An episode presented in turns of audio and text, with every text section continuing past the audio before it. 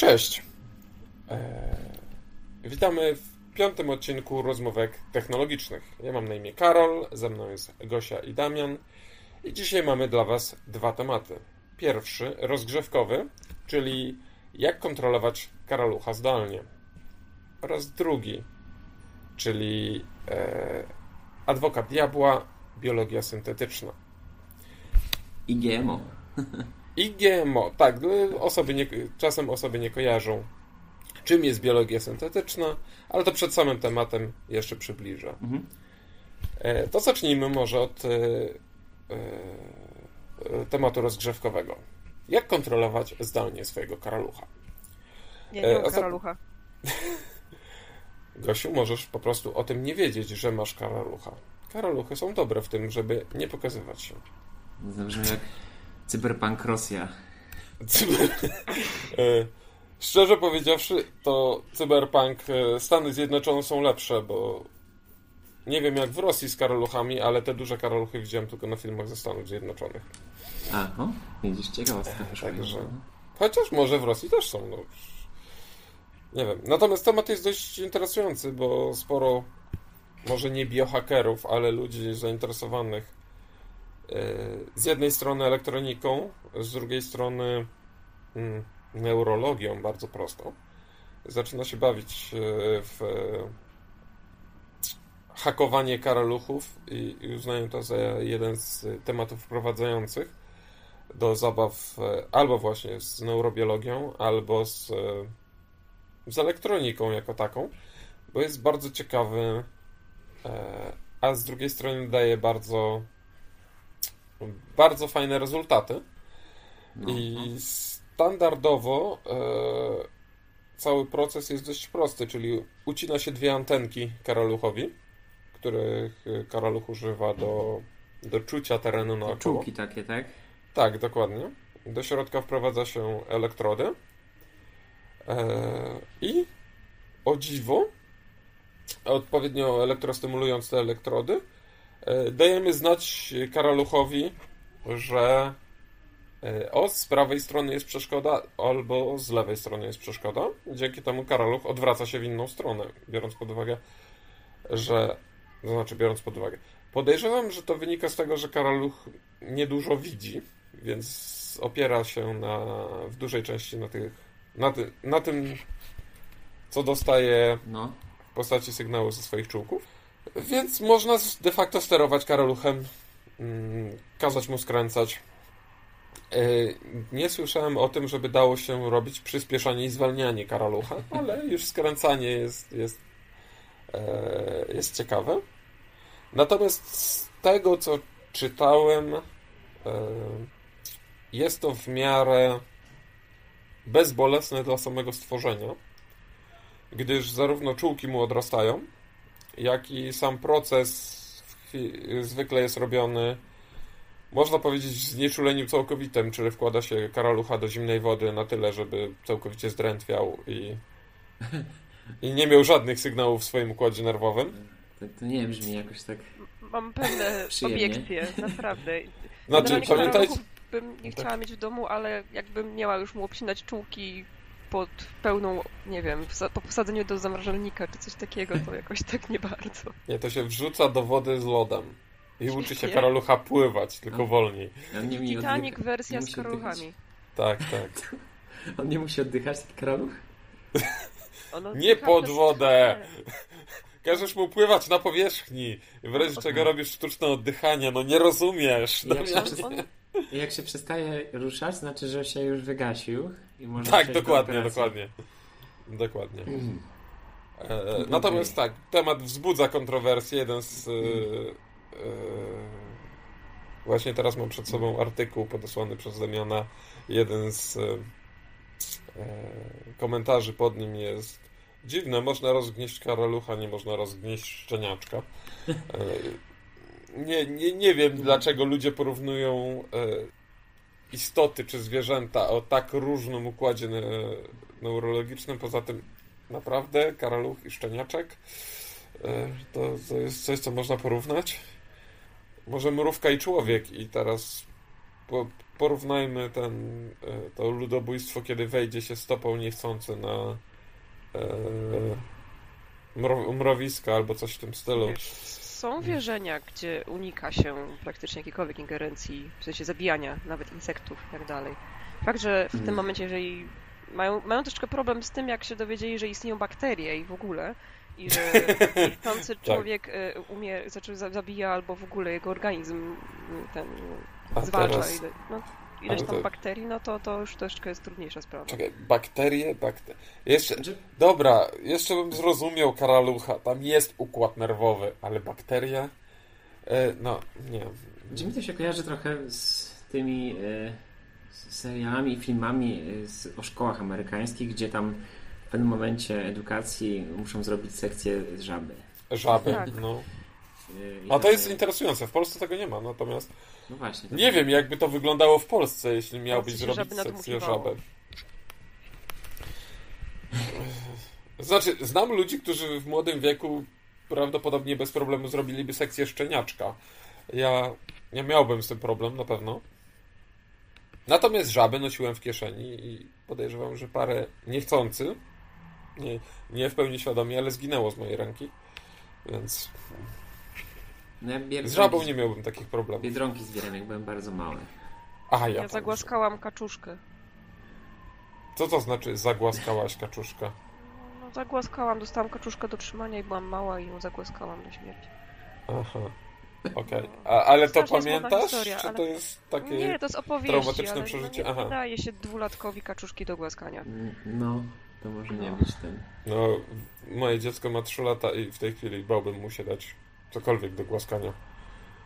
E, Na szczęście w tej chwili głaska naszego kota, ale kot ma mechanizmy obronne, więc No, ale i, w tej chwili bardziej boję, boję się o dziecko niż o kota. Wróćmy właśnie do tego Karolcha. No, generalnie właśnie tego Tak. typu y, zagadnienia, jak y, rozszerzanie jakby zmysłów, czy też manipulowanie zmysłami przez elektronikę, to generalnie jest faktycznie mega przyszłościowy temat. Y, mega ważny temat, wydaje mi się, w rozwoju y, ludzi i ogólnie ludzkości. Zgadzam się w 100%. No i tutaj właśnie jest pomysł, żeby móc coś takiego ćwiczyć sobie w domowym zaciszu, bardzo tanim kosztem i w praktycz... z etycznego punktu widzenia w praktycznie y, y, Czysty sposób. czysty sposób właśnie. No, no bo jakby nie patrzeć, karaluchy jednak nie są po, po, pożądaną y, opcją i są całe przemysły, które zajmują się eksterminacją karaluchów na kosmiczną skalę. I to jest jakoś akceptowalne społecznie, jest akceptowalne moralnie, więc no, jest E, bardzo ciekawy temat, wydaje mi się. Bardzo podobnie możesz powiedzieć o myszach i szczurach, ale tutaj już z tą akceptacją społeczną i moralną jest, jest troszkę gorzej. Tak jeszcze pomyślałam. Mm, mówiłeś o, o manipulowaniu zmysłami i tak dalej. Mhm. Jest, są przypadki, gdzie osoby niewidome od urodzenia mm, po wszczepieniu implantów, takich właśnie stymulujących y, mm, po prostu sygnał elektryczny był wprowadzany, elektrody były wprowadzone do organizmu i, i osoby były w stanie rozpoznawać kształty mniej więcej takie dosyć proste, mimo że nie widziały całkowicie od Tak, urodzenia. tak, oczywiście. To jest, to pamiętam jak przeczytałam o tym pierwszy raz, no zrobiło na mnie to ogromne wrażenie. Fakt, nie, nie możemy powiedzieć, czy to jest takie naprawdę widzenie, ale był w stanie taki człowiek niewidzący od urodzenia rozpoznawać na przykład kontrastowe właśnie kształty. Na przykład jak ma białe tło i czarne, na przykład, nie wiem, prostokąt albo kółko. No to jest to jest no, no lepsze niż nic, nie? No, Myślę, no. że to się wszystko będzie No więc- rozwijać. No więc właśnie czemu nie wprowadzać tego podstawówkach? mm, Dokładnie, jako no. bioinżynierii jakieś właśnie. I to by było bardzo dobre, biorąc pod uwagę, że w tej chwili metody nauczania neurobiologii, w, ogó- ogólnie wszelkich nauk związanych z e, układem nerwowym, mają tak wysoki próg wejścia, że jeśli chciałbyś zainteresować kogoś, jakiegoś młodego człowieka, e, układem nerwowym, to jak to wygląda? Kończysz podstawówkę, kończysz liceum, kończysz studia, prawdopodobnie y, na studiach i to medycznych, które wcale nie są proste, interesujesz się neurologią, idziesz na jakieś podyplomowe studia neurologiczne i wtedy zaczynasz się w rzeczywistości, za przeproszeniem, bawić układem nerwowym. Nie ma czegoś takiego jak, nie wiem, z matematyką, czy techniką, czy, czy choćby jakimś, nie wiem, Arduino i programowaniem, które w tej chwili jest wprowadzone powoli w podstawówkach, gdzie możesz zainteresować ludzi, zainteresować dzieci programowaniem od bardzo małego wieku, żeby pokazać im, że to jest interesujące. My nie mamy metod i, i sposobów na zainteresowanie ludzi neurobiologią w młodym wieku, w podstawówce, czy nawet w szkole średniej. I ja rozumiem, że akurat w przypadku karalucha, nie, nie wiem, nie, nie, nie zaczniesz u, uczyć dzieciaków w szóstej klasie podstawówki, jak ucinać czułki i wprowadzać elektrody, ale to jest moim zdaniem poziom liceum spokojnie. I, I można by zainteresować, pokazać, że jednak to działa, bo ten przemysł, czyli rozwój protetyki, e, czy to protetyki wzroku, słuchu, czy, czy innych zmysłów, jest, jest bardzo ciekawym e, bardzo ciekawym tematem. No, jest nam potrzebny. E, a Gosiu, a propos mm, implantów e, wzroku, inne zmysły, implanty słuchu są w tej chwili bardzo rozwinięte i stosowane od, od lat, natomiast e, dopiero jak zacząłem się tym interesować, to zauważyłem jak, jak ciekawy to jest temat i jak zaawansowane w tej chwili rozwiązania mamy. Tam są implanty, które dostają informacje przez skórę e, do drugiego implantu, który jest całkowicie wewnątrz czaszki i który ma elektrody w, bezpośrednio w e, nie wiem, układ ślimakowy, znaczy w ślimaku odpowiedzialnym za słyszenie. I ludzie bardzo sobie chwalą działanie tego. No. Także... Znaczy, ja myślę, Karolu, że y, twoja, twoja, twoja wiedza w tej dziedzinie to, to zasługuje na oddzielny, główny temat w tym podcaście. No nie przesadzałem, ja Bo... nadal jestem początkujący. Ale no, już wciąż pewnie wiesz więcej niż cała masa ludzi, którzy potencjalnie mogą być zainteresowani. Tak, jestem potencjalnym e, przyszłym twórcą zdalnie sterowanego karalucha, tak zgadza się. No właśnie, właśnie. Jeszcze, jeszcze właśnie pytanie, kiedy tego karalucha będziesz konstruował? E, plan był zeszłe wakacje, niestety nie wyszło, więc prawdopodobnie te wakacje. To trzeba będzie zrobić jakieś nagranie live chyba, myślę, tego podcastu. nagranie live wraz z karaluchem. Ja mam ten problem, że... Ciekawe, czy testow... tak pozwoli na coś takiego. no może być problem. Nadal nie uważam y, karalucha za zwierzę o wystarczająco y, rozbudowanym układzie nerwowym, żeby przejmować się etycznie z tym, żeby nie obcinać mu tych no czułek, ale kroją dżdżownice. Tak, ale YouTube może mieć, że tak powiem, inne zdanie na ten temat. No. To w każdym razie, jak będziesz miał jakiś wstępy w swoich przygotowaniach albo pracach, to daj znać tak. następnie. Natomiast u mnie największym problemem z Karoluchem jest taki, że muszę pracować nad tym mini projektem w chwili, kiedy zarówno moje dziecko, jak i mój kot śpią. E, więc nie ma zbyt dużo czasu, który pozwala mi na to, a druga sprawa, nadal pracuję nad tym, żeby moją żonę przekonać, że Karolu w domu jest nam niezbędny. I jednak to jest pewien problem. Znaczy, faktem jest, że jeżeli będziesz to przeciągał w czasie, no to w pewnym momencie y, twoje dziecko zacznie być y, współautorem twoich y, roz, roz, inaczej zacznie być świadome tego, co się dzieje i może zainteresujesz je, więc to też może być bardzo tak, tak, tak, tak. eksperyment. Tylko z, myślę, że musiałbym przynajmniej poczekać do jego szóstego roku życia, natomiast no to no. te kolejne trzy lata.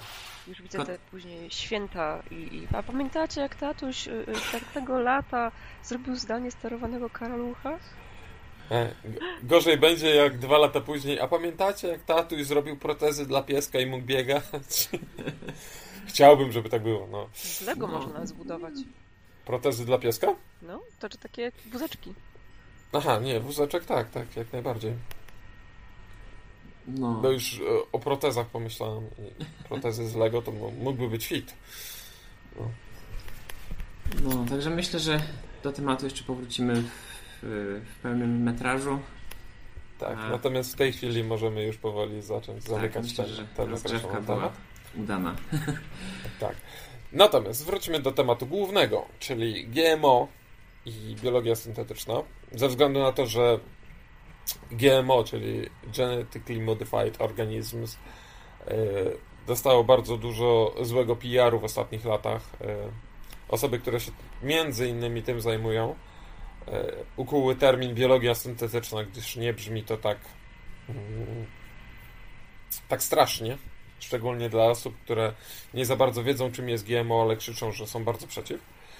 Więc w tej chwili większość rzeczy, które się e, odbywa w tym bardzo ciekawym i kontrowersyjnym środowisku, e, e, określone jest właśnie biologią syntetyczną. I dzisiaj, dla przypomnienia, e, chciałem e, wspomnieć, że e, w tej dyskusji jest to nasz adwokat diabła, czyli strony są losowane. E, Osoby, które są za i przeciw, niekoniecznie zgadzają się ze stroną, po której są, aczkolwiek e, wybierają e, argumenty po to, żeby Wygrać. tak, wygrać, żeby sztuką Przekonać. dyskusji przekonać drugą, drugą stronę oraz e, naszych słuchaczy do tego, że ich wylosowana strona jest lepsza. Także może zaczniemy. Okej, to kto? Pierwszy? A dla przypomnienia, Gosia jest w tym wypadku za Ja biologią powiedziała- syntetyczną, a Damian przeciw. To ja bym chciała tylko tak powiedzieć, tak na rozgrzewkę w sumie. Nie wiem, czy pamiętacie, był jeden producent jajek, który krzyczył, że to są jajka bez GMO, jajka bez GMO. Nie wiem, czy pamiętacie. Był, nie chcę mówić nazwy firmy, ale była, była taka, taka reklama już parę lat temu. Pamiętam, że stwierdziłam, o, zobaczę sobie, jaki jest, co to są za te jajka, skąd one są i jaki tam chów jest. Bo wiecie, na każdym jajku znajduje się kod, dzięki któremu można sprawdzić, czy to jest chów klatkowy, czy to jest e, Tak. ściółkowy, czy te kurki dostawały... Z wolnego wybiegu. Tak, jest, tak jest. No. Ja popatrzyłam i te super jajka bez GMO, one były z chowu klatkowego. Gdzie, powiedzmy tak, mnie nie przeraża bardzo GMO w tym momencie. Mnie przeraża ten chów klatkowy, który wygląda, no, no to jest dosyć przerażające. To, no, kury są trzymane w strasznych warunkach najczęściej. I one nigdy nie widziały sobie słoneczka, one są cały czas w klatce i no i wtedy tak Prawie jak hodowane karaluchy. dosyć, dosyć, dosyć już ostrożnie podchodziłam do tematu anty-GMO, więc e, Żeby to była taka, patrz na moją lewą rękę, nic się nie dzieje, a tu w prawej ręce. tak jest. Tak, jest. dokładnie. Bo ludzie faktycznie są uprzedzeni do GMO. Ludzie myślą, że GMO to są na przykład pestycydy. Myślą, że to jest to samo. Więc tutaj najczęściej jest taka no, mm, nieporozumienie. Ludzie nie wiedzą do końca, czym jest to GMO i dlatego są przeciwko.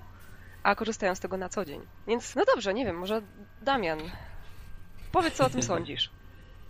No, dla mnie temat jest o wiele bardziej rozległy niż mi się wydawało, bo szczerze mówiąc, jak zabierałem się za to, to myślałem, że generalnie zaczynamy dopiero startować w tej dziedzinie, że tam jedna czy, czy, dwie jakieś, jeden czy dwa zmodyfikowane organizmy tam gdzieś już istnieją w, w społeczeństwie, no nie, nie w społeczeństwie, tylko może na, na rynku powiedzmy, na, na rynku handlowym, a okazuje się, że to już śmiga od jakiegoś y, z dużego czasu.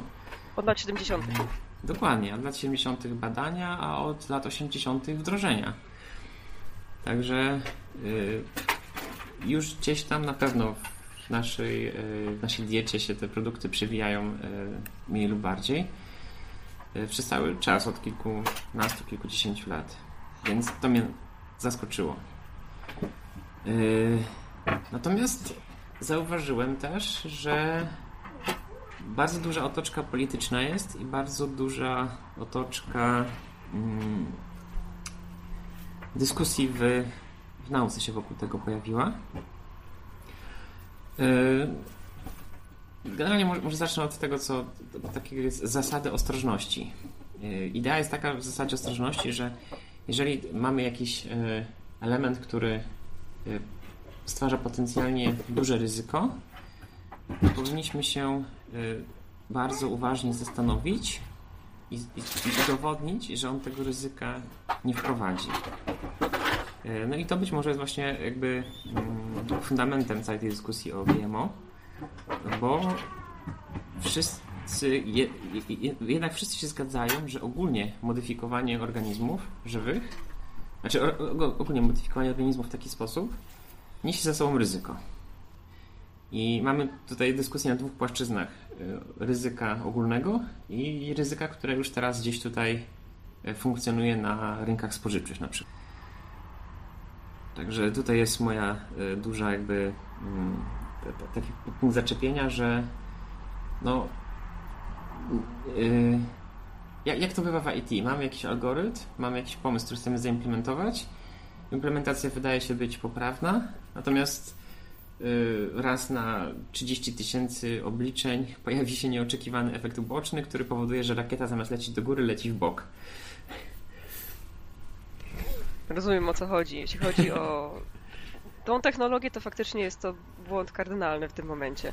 Ale wiesz, to nie jest tak, że to nie jest mm, obserwowane, jaki, mam, jaki wpływ mają genetycznie modyfikowane organizmy na nasze życie, na y, zwierzęta, które hodujemy, na rośliny, na środowisko. To wszystko jest tak naprawdę mm, obserwowane. Wiadomo, są zwolennicy i są przeciwnicy ale trzeba pamiętać, że praktycznie no, tak regularnie od 2012 roku są cały czas robione meta, meta-analizy i szczególnie jaki wpływ ma, mają pasze na zwierzęta. Tak? Czy, mhm. Czyli po prostu sprawdzono, w ogóle wykonano długoterminowe badania, to są od 90 dni do 2 lat i wielopokoleniowe badania, to jest od 2 do 5 generacji. I nie stwierdzono negatywnego wpływu stosowania pasz GMO na te zwierzęta. Ja wiem, że no, no pięć generacji to jeszcze nie, nie, nie, nie nic nie, nie, oznacza, nie? bo jeżeli w tym momencie na przykład mamy pięć generacji na przykład hodowania krów, no to jest no, kilka lat i mhm. faktycznie można, można stwierdzić, że to jest za mało, ale tak naprawdę cały czas ten okres jest wydłużany i cały czas są prowadzone te badania. Mm, mi się wydaje też często, że ludzie myślą o GMO mm, można pomyśleć, że zagrożenia są bezpośrednie i pośrednie. Bezpośrednio ludzie myślą, że jak zjedzą GMO, to sami zachorują, a jest taka sytuacja, nie wiem, czy słyszałeś o glifosacie? No, jest taki pestycyd. Tak Przywinął jest. mi się w notatkach Tak też. jest. To fosforan. Mhm.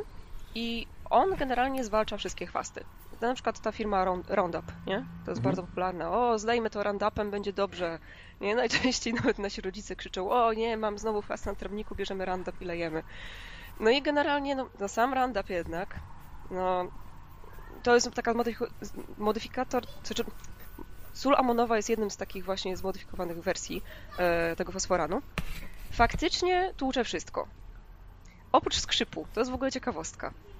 No, no. Większość, większość y, roślin obumiera, oprócz skrzypu. To jest tak, pomyślałam sobie, że to jest też, też ciekawa sytuacja, ponieważ skrzyp jest jednym z najstarszych y, roślin na Ziemi one już się pojawiały, o nie chcę tutaj skłamać trochę, ale no, wielgachne skrzypy to pamiętam nawet ze wszystkich tych książeczek dla dzieci o prehistorii w ogóle. Więc tak, no, możesz się pomylić o 100-150 milionów lat. O, na, nie, nadal nikt nie będzie zły. Myślę, że to jest pytanie na jeden z dziesięciu, naprawdę. A, to ja się wtrącę tutaj może. Y, a propos 150. Wiecie, że bliżej nam, tyranozaurowi Rexowi bliżej do nas niż do pierwszych dinozaurów? Tak, do stegozaura, tak. To tak jak Kleopatrze bli, bli, bliżej było do nas niż do piramid. No. Tak, Dobra. Jest, słuchajcie, perspektywa jest cudowna. Zapisaliśmy ci ten ciąg Nie, myślowy. nie ma problemu, nie ma problemu. W każdym razie mm, powiedzmy, można powiedzieć, że to jest takie troszeczkę bezpośrednie. Jeżeli używamy faktycznie tych, tych, tych, tego, tych środków z firmy Roundup, um, stworzono um, rośliny zmodyfikowane genetycznie, które są odporne w tym momencie na ten Roundup, nie? Czyli jednym słowem, z czegoś, co było nieselektywne i tłukło po wszystkich roślinach i, i, i prowadziło do obumierania, stworzono, środek, stworzono możliwość czegoś, co jest selektywne. I w tym momencie można się zastanowić, czy to zwiększy na przykład ilość korzystania z tego Roundupu, który faktycznie ma wpływ na organizmy wodne. Tak? Jeżeli to się dostanie do wód mhm. gruntowych, to nie jest najlepsza sytuacja. Ale się okazało, że dla genetycznie modyfikowanych roślin, które są odporne w tym momencie, co, się, co jest ciekawe, zużywa się mniej tych pestycydów. Mhm. Teraz Czyli... Stosowanie w ogóle pestycydów już nie jest takie, że leje się po całym polu albo stosuje się jakieś opryski niesamowite, tylko raczej to już y, technologicznie jest y, zmniejszona ilość tych pestycydów, ponieważ są urządzenia, agrotechnice stosowane, które rozpoznają na polu konkretny chwast i spryskują go lokalnie, więc jest to faktycznie troszeczkę bezpieczniejsze. Jeśli chodzi jeszcze o genetycznie modyfikowane rośliny, to w ogóle jest cała ogromna lista za, bo to nie jest tak, że to jest jedna modyfikacja, która daje nam same dobre korzyści. To są bardzo drobne, naprawdę rzeczy dla każdej, praktycznie każdego gatunku, dla każdej rośliny z osobna, które można wykorzystać. Na przykład, jeżeli zmienimy fenotyp, fenotyp, czyli wygląd danej rośliny, wyobraźmy sobie, mamy takie zboże. Kiedyś zboże rosło bardzo długie, tak? Mieliśmy z tego słomę, mieliśmy e, jakąś tam liczbę ziaren, część można było później wykorzystać, część nie i generalnie tych ziaren było troszkę mniej. Jeżeli zmodyfikowano tą roślinę, że będzie dużo bardziej te, te grona, nie, nie grona, e, kłosy, kłosy będą bardziej po prostu obfite w ziarno, to jest jedna rzecz. Skrócono na przykład roślinę, że ona nie musiała bardzo wysoko rosnąć, ponieważ nie musiała walczyć z chwastami, bo ich już nie było, więc ona jest, może być niższa. Nie mamy nadmiaru, roślina nie walczy w tym momencie, żeby urosnąć jak najbardziej, tylko skupia się na tym, żeby stworzyć to ziarno samo w sobie. I przez to, że na przykład można zmniejszyć y, albo zmienić w ogóle system korzeniowy, żeby nie był bardzo głęboki, przez to na przykład można y, uzyskać sytuację, gdzie nie trzeba mm, stosować orki głębokiej. Orka głęboka nie jest najlepsza, ponieważ mamy hmm. w, w ziemi dużą ilość węgla, jeżeli zruszamy regularnie tą ziemię, to ten węgiel będzie mimo wszystko dostawał się do y, naszej atmosfery w ten czy inny sposób. Więc mhm. aktualnie nie, nie, nie, nie poleca się orki głębokiej i stosowanie roślin właśnie wymodyfikowanych genetycznie może nam pozwolić na to, żeby to była tylko orka płytka. No dobra. No to ja mam bardzo y, taki mm, no, jeden z moich ulubionych argumentów y, który sobie, który ktoś mi tam przedstawił w jakimś filmie, pewnie już chyba z 10 albo 15 lat temu. Są takie filmy z żółtymi napisami, one są popularne na YouTubie, o różnych właśnie teoriach spiskowych i w ogóle. I tam był jeden film na temat poświęcony filmie e, Monsanto, która notabene jest producentem Roundupu. I E, znaczy, oni, oni go stworzyli, opatentowali, teraz już patent wygasł po 20 latach, więc już są teraz różne zamienniki o tej samej, e, tym samym składzie chemicznym. Więc e, Roundup jest od Monsanto, ale teraz każdy może go już produkować w zasadzie. Ale wracając do tematu, no idea była tam taka, że co by było, gdybyśmy stworzyli jakąś roślinę modyfikowaną w taki sposób, żeby dawała lepsze plony, ale wymagała y, dodatkowego składnika, żeby to zadziałało. Czyli idea była taka, że powiedzmy masz jakąś pszenicę, która jest generalnie płonna, czyli ma te ziarna, które są puste, nie mają żadnej wartości rynkowej. Natomiast jeżeli ją tam odpowiednio nawieziesz, podlejesz, coś tam z nią zrobisz, to nagle te nasiona zaczną yy, super fajnie funkcjonować. Więc y, generalnie jeżeli chcesz korzystać z, tego, z, tego gatunku, to musisz mieć dwa elementy. Nasiona i tą magiczną substancję. Nasiona mogą same się, jeżeli masz podlewane to, to, to zboże, to nasiona same się mogą rozmnażać, więc generalnie możesz później te nasiona mieć ile ich tam potrzebujesz, natomiast zawsze musisz dokupywać tą magiczną chemię. Mhm. Nie pamiętam, czy to już było zaimplementowane, czy to był tylko proof of concept, ale pojawia się efekt uboczny taki, że jeżeli masz pole gdzieś tam w środku jakiejś, jakiejś przestrzeni, a wokół ciebie sąsiedzi mają też pola, jesteś otoczony przez ich pola, to gdy oni zaczną stosować wokół ciebie to zboże modyfikowane, dwuskładnikowe, to ono może w pewnym momencie zacząć jakby twoją y, przestrzeń zajmować. Może się w tak, naturalny sposób zgadza. przenosić. Ale to to się to jest od dawna już stosowane, już no od właśnie. czasów e, wiktoriańskich, jesteś... kiedy zaczęto nawozić. Yy, no. Yy, no dobra. I, I ty jesteś rolnikiem, który nie chce korzystać z danych usług danego producenta chemii. Po prostu tradycyjnie sobie ma takie rodzaje zbóż, które właśnie rosną wysoko, bo mają trochę chwastów wokół siebie. Rosną w ogóle wysoko i, i, i sobie funkcjonuje to po staremu, nie? Nagle zaczynają przechodzić do niego zboża niskie, nie radzą sobie z chwastami. No i co musi zrobić? To musi się rozejrzeć właśnie za, za Roundupem, bo, bo, populacja, ta bioróżnorodność u niego jakby w tym obszarze zanikła po prostu i sąsiedzi dokonali inwazji na niego i on musi w tym momencie już kupować y, ekstra chemię, żeby sobie poradzić w ogóle z uprawami. Temat bioróżnorodności jest dosyć ważny i też badano go podczas właśnie badań, szczególnie takich większych, y, na większych fermach i okazało się, że można tą bioróżnorodność zachować stosując różne gatunki właśnie GMO. Nie, może być, nie musi być to jeden gatunek, nawet nie jest to wskazane, to musi być kilka różnych. Więc y, jeśli chodzi o bioróżnorodność, raczej jest zachowana. Więc tutaj też, też ludzie mieli do tego ten, mm, mm, powiedzmy, mieli obiekcje. Ale faktycznie tu się muszę z Tobą zgodzić. Jest bardzo duża dyskusja w środowisku i nie tylko naukowym, też oczywiście yy, patrząc na właśnie samych producentów i środków zwalczających chwasty i samych firm tworzących kolejne yy, zmodyfikowane rośliny, bo to są, trzeba wykupić patent po prostu na, na zamówienie takiego ziarna. To nie jest tak, że można no, sobie po prostu kupić no. i używać, tylko trzeba wykupić licencję na hodowanie takiej rośliny. Więc yy, tutaj tak pamiętam jak o tym przeczytałam, to wydawało mi się, że to jest troszeczkę akurat spoko, bo jeżeli się okaże, że te jednak rośliny były, no jednak będą, będą szkodliwe z jakiegoś powodu, możemy się dowiedzieć o tym na przykład za 50 lat, to można zawsze powiedzieć, że to nie była wina samego rolnika, tylko to była wina samego patentu. Więc to tak dosyć ciekawe. Dobra, w każdym razie to, co chciałam powiedzieć. Jeśli jest bardzo duża dyskusja na jakiś temat, i tak wydaje się, że to jest totalnie zagmatwane, ponieważ w jednym roku próbują e, na przykład no, ten, ten, te, te, fosforany, ten Roundup i tak dalej, to jest bardzo połączone z e, roślinami modyfikowanymi genetycznie, dlatego ludzie myślą, że to jest to, jest to samo. To nie jest to samo. E, cały czas jest duża rozmowa na temat tego, czy ten Roundup szkodzi człowiekowi, czy nie, jakie są dawki, które możemy przyjmować, jakie nie. Jednego roku mówią tak, innego mówią nie. Jednemu, jednego roku mówią, że faktycznie mogą szkodzić na oczy, innym momencie mówią, że one nie są kancerogenne, a w drugim, że są kancerogenne, ale nie chcą ich dopisać, bo nie ma jeszcze badań.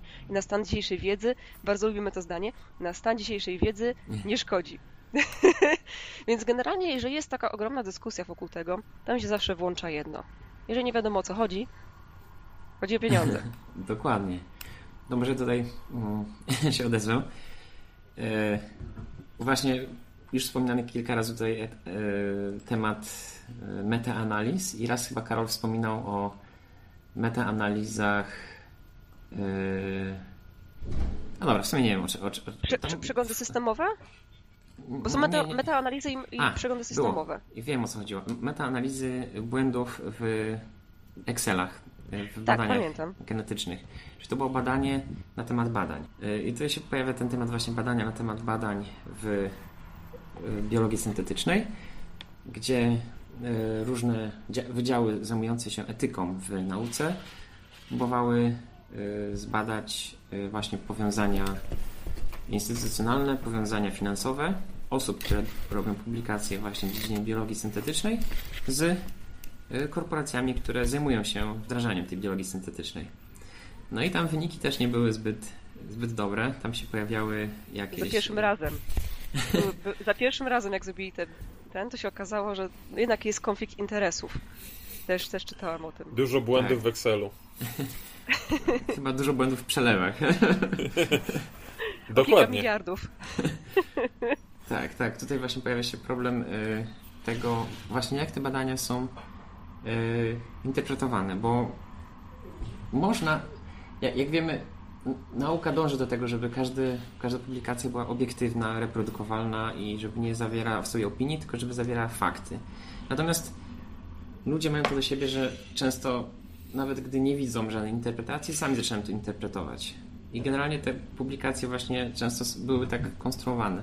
Teraz faktycznie, kiedy zaczynają być już przyświetlani bardziej trochę e, osoby, które zajmują się biologią właśnie syntetyczną i GMO, w kontekście właśnie bycia przeciwnikiem bądź zwolennikiem, to się temat trochę wyklarowuje. Natomiast to też nie ułatwiło y, jakby, znaczy to, to też, no jeżeli stoją właśnie te duże pieniądze i, i brak transparentności, to to jest zdecydowane no-go dla takiej technologii. No tak, zgadzam się. Zgadzam się z tym naprawdę, bo yy, no jak dla mnie, tak mówiąc kolokwialnie, to był taki przypał trochę. Jak prześwietlili ich. Naprawdę, to był spory przypał. Ponieważ ludzie myślą o GMO raczej tylko o roślinach i tak dalej, i tak dalej. Ale ja mam kilka przy przykładów takich, już nie wiem, które naprawdę ja stwierdziłam, że moja wiedza na temat w ogóle biologii syntetycznej była zerowa przed sprawdzaniem, przygotowywaniem się do tego podcastu. Naprawdę, szczerze powiem, mimo że jestem osobą wykształconą, mimo że jestem świadoma wielu rzeczy i nie spodziewałam się tego. Na przykład skąd bierze się insulina? Taka sztuczna, hodowana sztucznie dla... E, Produkowana przez bakterie? Tak, które są modyfikowane genetycznie. To no tak, tak, standardowo to... bakterie nie produkują insuliny, bo po co? Tak jest. Pałeczka E. coli. Tak, to ta pałeczka E. coli, która jeżeli na przykład mamy ją w gruntach i w wodzie i tak dalej, ona jest takim wyznacznikiem e, zanieczyszczenia. Ale pałeczki E. coli znajdują się w naszej okrężnicy i także u niektórych e, innych, w większości w sumie zwierząt e, stałocieplnych.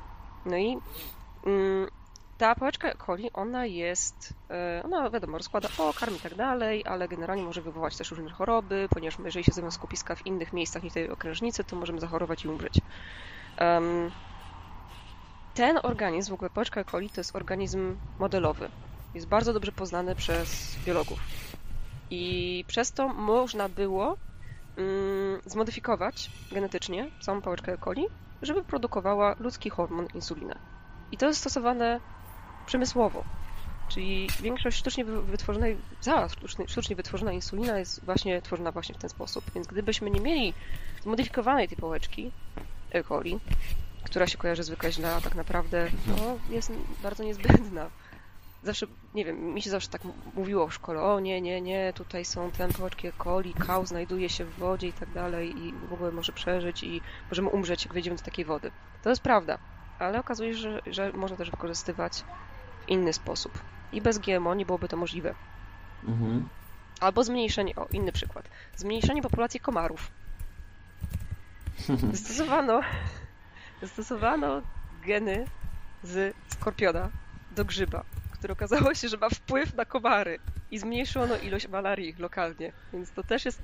Ja wiem, że to jest. Znaczy, z, pierwszym tematem, no to akurat faktycznie nie mam tutaj żadnych argumentów przeciwko, bo jeżeli masz y, organizmy, które są w stricte izolowanym środowisku, y, które być może nawet jeszcze nie mogą się rozmnażać, bo pewnie te, te, te, te pałeczki ekoli tak skonstruowali, żeby one się też nie mogły rozmnożyć, no bo była pewnie lipa, gdyby się nagle zmieniła ta bakteria E. coli na całym świecie, to, to, pewnie jest jakoś zabezpieczone.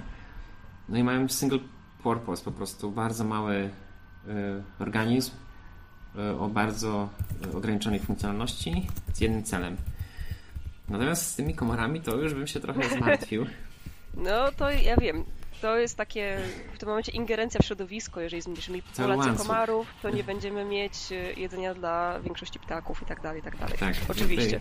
No to nie jest izolowany system, tu mamy cały łańcuch. Nie I... wiem, gdzie to się stosuje. Nie Teraz... mam danych. A, a, dwa, na wolności to śmiga. Nie? Bo to też raczej nie są komary e, w jednym stawku w zamkniętej hali. Tylko gdzieś pewnie w rzece i, I ten. No i tutaj też jest jeszcze problem tego, że te grzyby, to ze skorpiona do grzyba wzięty, tak? Mm, częściowo, między innymi jest ten skorpion tam ciśnięty, Jakaś jakiś tam gen. cecha. Same te grzyby mogą być o wiele bardziej złożonym e, e, organizmem niż nam się wydaje. E, więc tutaj same jakby mm, reakcje podsystemów w tym grzybie mogą też inaczej zadziałać. Nawet nie, ma, nawet nie jest na zewnątrz tego grzyba, że tam te komary mhm. zdychają, tylko że wewnątrz tego grzyba może coś się Staniesz super grzybem. No na przykład, no. No dobrze, no to grzyb jest dosyć złożony, ale wróćmy do czegoś mniejszego. Na przykład wirusy. Genetycznie modyfikowane wirusy. Co o tym sądzisz? Pierwsza reakcja. Znaczy, no... Y, jestem przeciwnikiem y, GMO właśnie też między innymi z tego powodu, że mogą zostać bardzo efektywną bronią. A widzisz, GMO, znaczy genetycznie modyfikowane wirusy są używane do, e, jako wektory w terapii genowej. Terapia genowa może, znaczy jest stosowana przy pewnego rodzaju białaczkach i przy chorobie Parkinsona, przy leczeniu choroby Parkinsona. No i jeszcze dodatkowo te wirusy są stosowane przy immunoterapii. No tak, tak. Już szeroko stosowane.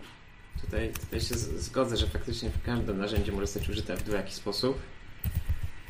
No, natomiast wydaje mi się to być zbyt efektywnym narzędziem w niektórych momentach. Ja przypominam sobie yy, yy, książkę Nila Stephensona Diamentowy wiek. Nie jestem w tej chwili pewien, czy tam była mowa o yy, nanorobotach, czy o nanoorganizmach. Ale chodziło o to, że to, nie jest spoiler, tylko tak na marginesie było, że generalnie wszystko się kurzyło wokół tych ludzi, bo cały czas tam ze sobą walczyły e, nowe, e, nowa fala nanoorganizmów, które były stworzone przez terrorystów, które miały zabijać na masową skalę i antyterrorystów, które zabijały te organizmy tych, tych pierwszych, znaczy te nanoorganizmy tych pierwszych. Czyli generalnie odchodziło o to, że jakaś organizacja terrorystyczna produkowała, właśnie nie wiem, czy nanomaszyny, czy nanoorganizmy, które miały na przykład celować w takiej takie osoby, je rozpylała, one się mnożyły, reprodukowały. No a antyterroryści mieli mniej więcej parę godzin na stworzenie antyorganizmów. No i tutaj, jak dla mnie, no temat słabo wygląda. Nas też uczyli na studiach, nie wiem, czy ty też chodziłeś na, ten, na te wykłady. Już nie pamiętam, które to były. Um, też zastanawialiśmy się, ok, możemy sobie wprowadzać do organizmu jakieś mikrorobociki, które będą nam wspomagać nasz system na przykład odpornościowy albo y, będą badać przepływ krwi i tak dalej. A coś zostaną zaprogramowane w ten sposób, że na przykład zatkać y, aortę w tym momencie. Wszystkie no. naraz się pojawią w tym danym miejscu. Albo, Więc to są takie sytuacje, no myślę, że nie unikniemy tego. Albo nawet te bakterie coli zmodyfikowane. Skoro one produkują coś, czego nie produkowały, produkują tą insulinę, mhm. to prawdopodobnie ich metabolizm funkcjonuje w jakiś sposób inaczej i nie robią czegoś, co powinny robić. Wiesz co, one są bardzo proste. Tak, tak jak już wspomniałam, to są organizmy modelowe. I no, ale jakbyśmy tak wczepili człowiekowi je do, do, do, do, do układu pokarmowego. No myślę, że akurat, nie, myślę akurat, że tych akurat zmodyfikowanych nie mamy w organizmie, mamy raczej takie podstawowe. No właśnie. No. Dobrze, a dobra, to lekka zmiana. Co byś powiedział na to, gdybyś dostał szczepionkę w mleku? Na przykład kozim. Kupujesz kozie mleko w sklepie i dowiadujesz się, w środku jest szczepionka. A jak się tam dostała? Mamy kozy zmodyfikowane genetycznie, które produkują mleko, które już zawierają sobie szczepionki i leki. Przepraszam, jako moderator muszę się włączyć. Temat antyszczepionkowy pewnie będzie w trakcie innego naszego spotkania. Okej. Okay. No ale, ale ogólnie modyfikowane mleko yy, jako pro, produkt modyfikowanego organizmu, tak? Yy, właściwie to koza sama jest modyfikowana. No. I już mleko jest już efektem ubocznym. Okej, okay, dobra. Jakbym się poczuł? Zastanowiłbym się, czy ta szczepionka nie ma na pewno efektów ubocznych. Jeżeli istnieje szansa na efekty uboczne, to powinienem być z nimi zaznajomiony. No bo może akurat mhm. jestem w grupie podwyższonego ryzyka, którą po prostu zmiecie ta szczepionka. No i teraz, jeżeli y, dostałbym w tym leku jedną szczepionkę, to równie dobrze z czasem mógłbym dostawać 17 szczepionek. Mhm. I w pewnym momencie y, zamiast skoncentrować się na kupnie mleka, które mogę wypić i mnie nie zmiecie, to musiałbym się koncentrować na ilości szczepionek, które w nim są. A jak znam y, software development proces, to pewnie y, twórcy tej modyfikowanej kozy pewnie wypuszczaliby kolejne wersje modyfikacji tej kozy i miałbym szczepionkę w wersji 1.17 na coś, drugą szczepionkę miałbym w wersji 2.18 na coś innego. Patrzysz zastanawiam... bardzo programistycznie, ale w sumie masz rację. Zastanawiałbym się, czy ta gra jest warta świeczki, czy po prostu nie mogę się napić zwykłego mleka, a pójść się po prostu zaszczepić gdzieś yy, just in time. Właśnie o to chodzi. Jeżeli masz dostęp do szczepionek, to jest wszystko w porządku. Jeżeli są kraje jednak trzeciego świata, które nie mają takiego dostępu, Widzisz, FDA to jest Agencja Żywności i Leków. Tak, też się mnie przewijała. Modyfikowaną kozę w 2009 roku i ta koza produkuje mleko modyfikowane, znaczy zmodyfikowana koza produkuje zmodyfikowane mleko już od 2009 roku w Stanach Zjednoczonych. Mhm. No, no może coś takiego funkcjonować. Jakoby ja no to... moderator wspomnę także o bodajże krowach, które po modyfikowaniu produkują mleko z hormonem wzrostu. To gdzieś w, w Ameryce Południowej korzysta, korzystają z tego. Natomiast zastanawia mnie jedna rzecz. Czy na taką kozę lub krowę jest recepta? Czy na mleko w sklepie jest recepta? Do regulacji jeszcze powrócimy. Ja mam tutaj parę, parę rzeczy do powiedzenia. Y, no, okej, okay, faktycznie jest, jest y, opcja, że to już gdzieś jest wdrażane. Natomiast są też przykłady, gdzie już wdrożone y, organizmy zmodyfikowane są wycofywane, są banowane z, z rynku. No, te pierwsze pomidory były. I nawet, żywotności. nawet w Polsce mamy ban na zakaz uprawy odmiany ziemniaka Amflora. A to nie tylko u nas, we Francji też. Ale okazało no. się, że pozwali ich, że nie możecie nam zakazać hodowania tych ziemniaków i w sumie przegrali, więc już można. Yy, u nas chyba jeszcze nie. Bo to jest kwestia po prostu. Po, pozwana jest to, dlaczego ograniczacie dostępność do konkretnych gatunków, no, które chcemy hodować. Bo tam jeszcze prawo na szczeblu unijnym weszło też i. Mhm. Tu mamy akurat bardzo niejednorodne ustawodawstwo, kraje swoje, Unia swoje i tak to się wszystko plącze. Yy, no natomiast właśnie już się właśnie wycofa, są często wycofywane takie elementy. Yy, no bo bo coś tam nie, nie zagrało tak, jak się spodziewano, że zagra. Nie, więc takie też yy, według mnie ryzyko jest. No okej, okay, no, na, na pewno faktycznie e, nie mogę się przeciwstawić argumentowi, że w krajach biednych i rozwijających się to może być często bardzo tani e, sposób na e, pomoc tym krajom. Natomiast jaką mamy gwarancję? Kto daje gwarancję, że nie zaszkodzimy w ten sposób? Bo już nawet to nie są teorie spiskowe, ale często zdarzało się tak, że pomoc humanitarna, która była dostarczana krajom biedniejszym, miała jakieś swoje wady i ona robiła więcej szkody niż pożytku. Yy, ale to nawet... jest sprowadzony często czynnik ludzki. Jeżeli myślimy na przykład o takiej pomocy humanitarnej do niektórych krajów w Afryce, gdzie cała ta pomoc humanitarna była przejmowana przez na przykład jedną grupę, i nie była rozdysponowana na inne grupy, no w tym momencie oni dostawali bardzo duży, duży yy, no ale na przykład, dużą przewagę. No ale na przykład szczepionki, które na przykład zostały wycofywane z krajów rozwiniętych, bo już były uznane za zbyt ryzykowne, a, a było ich wyprodukowanych bardzo dużo i bardzo dużo firm miało wciąż linie produkcyjne tych szczepionek, zostały wysyłane do krajów biedniejszych, nie? Będziemy mieć tę teorię spiskową o tych, y, o firmach farmaceutycznych. Ale to pewnie przy szczepionkach wyjdzie znowu. Jako okay. moderator chciałem czekać. wspomnieć o zostawieniu tych argumentów na inny odcinek. Dobrze, nie ma problemu. Dobra, wiesz, z jednej strony masz całkowitą rację, Damianie, ale też trzeba pamiętać o tych przypadkach, gdzie miało jednak swoje benefity. Nie wiem, czy słyszałeś o czymś takim jak złoty ryż. Słyszałem, tak, przewinęło się. To w Chinach jest chyba e, wdrożone. Tak. Jest coś takiego, mm, taki, to się nazywa VAD, to jest niedobór witaminy A. I witamina A jest bardzo, bardzo mm, potrzebna, szczególnie no, dzieciom.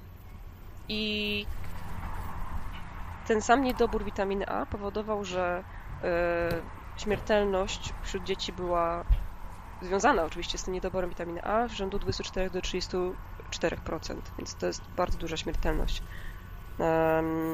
Generalnie zmodyfikowano ryż, żeby miał większą ilość tej witaminy A w sobie. I aktualnie jest faktycznie on cały czas używany.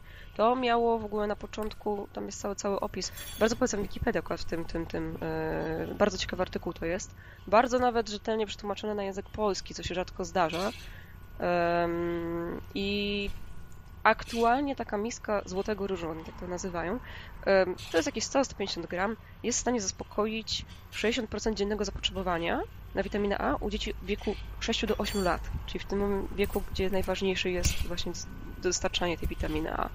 I zmniejszono śmiertelność wśród dzieci, uratowano bardzo wiele osób, poprzez tylko zmodyfikowanie jednej rzeczy, jednej, no może, mhm. może kilku, żeby tą witaminę A jednak ten ryż zawierał.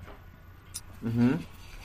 Znaczy, te wszystkie argumenty, które wcześniej wymieniłem, na przykład ryzyko, czy ten ryż na, ryż na przykład nie zacznie wypierać y, zwykłego ryżu z y, pól uprawnych, który może mieć jakieś właściwości, które są akurat pożądane, bo na przykład może być dla którychś zwierząt, na przykład jakaś karma z ryżu, zbyt duża witamina, zbyt duża ilość witaminy A może być szkodliwa na przykład, nie? Więc jeżeli wyprze ten zwykły ryż, no to może być lipa. Y, też ten argument, czy da się go uprawiać samoistnie, czy trzeba mieć jakiś wieloskładnikowy łańcuch zaopatrzenia, żeby to coś zadziałało. I podpisać no licencję. I, licencję to, to też. No i ten element, który jest tutaj e, chyba nowy, przeze mnie przytoczony. Jak to się w kontekście społeczeństwa mm, przyjęło? Bo jak z witaminami bywa często tak, że też można przedawkować ilość witamin. Nie? Mam ten efekt chyba hiperwitaminozy. Mhm. E, no i jeżeli ktoś żywiłby się tym ryżem z witaminą A i nie byłby świadomy tego, i lekarze, którzy by go leczyli, też nie byliby świadomi, to mogliby mieć ogromny problem z zdiagnozowaniu nadwyżki witaminy A w organizmie, która może coś negatywnego wywoływać. Hmm. Także jak tutaj jest opinia społeczna poinformowana, społeczność ogólnie? Albo co będzie, jeżeli z tego y, ryżu zrobimy alkohol? Hmm. Myślę, że to już tam witamin chyba nie będzie dużo. No, takie... To metanol, który poprawia wzrok? Dziwna rzecz. Nie, mówię bardziej o, takich, e, o takim efekcie mm, y, zależy od kontekstu, od społeczności, w której to się dzieje wszystko. Nie? E,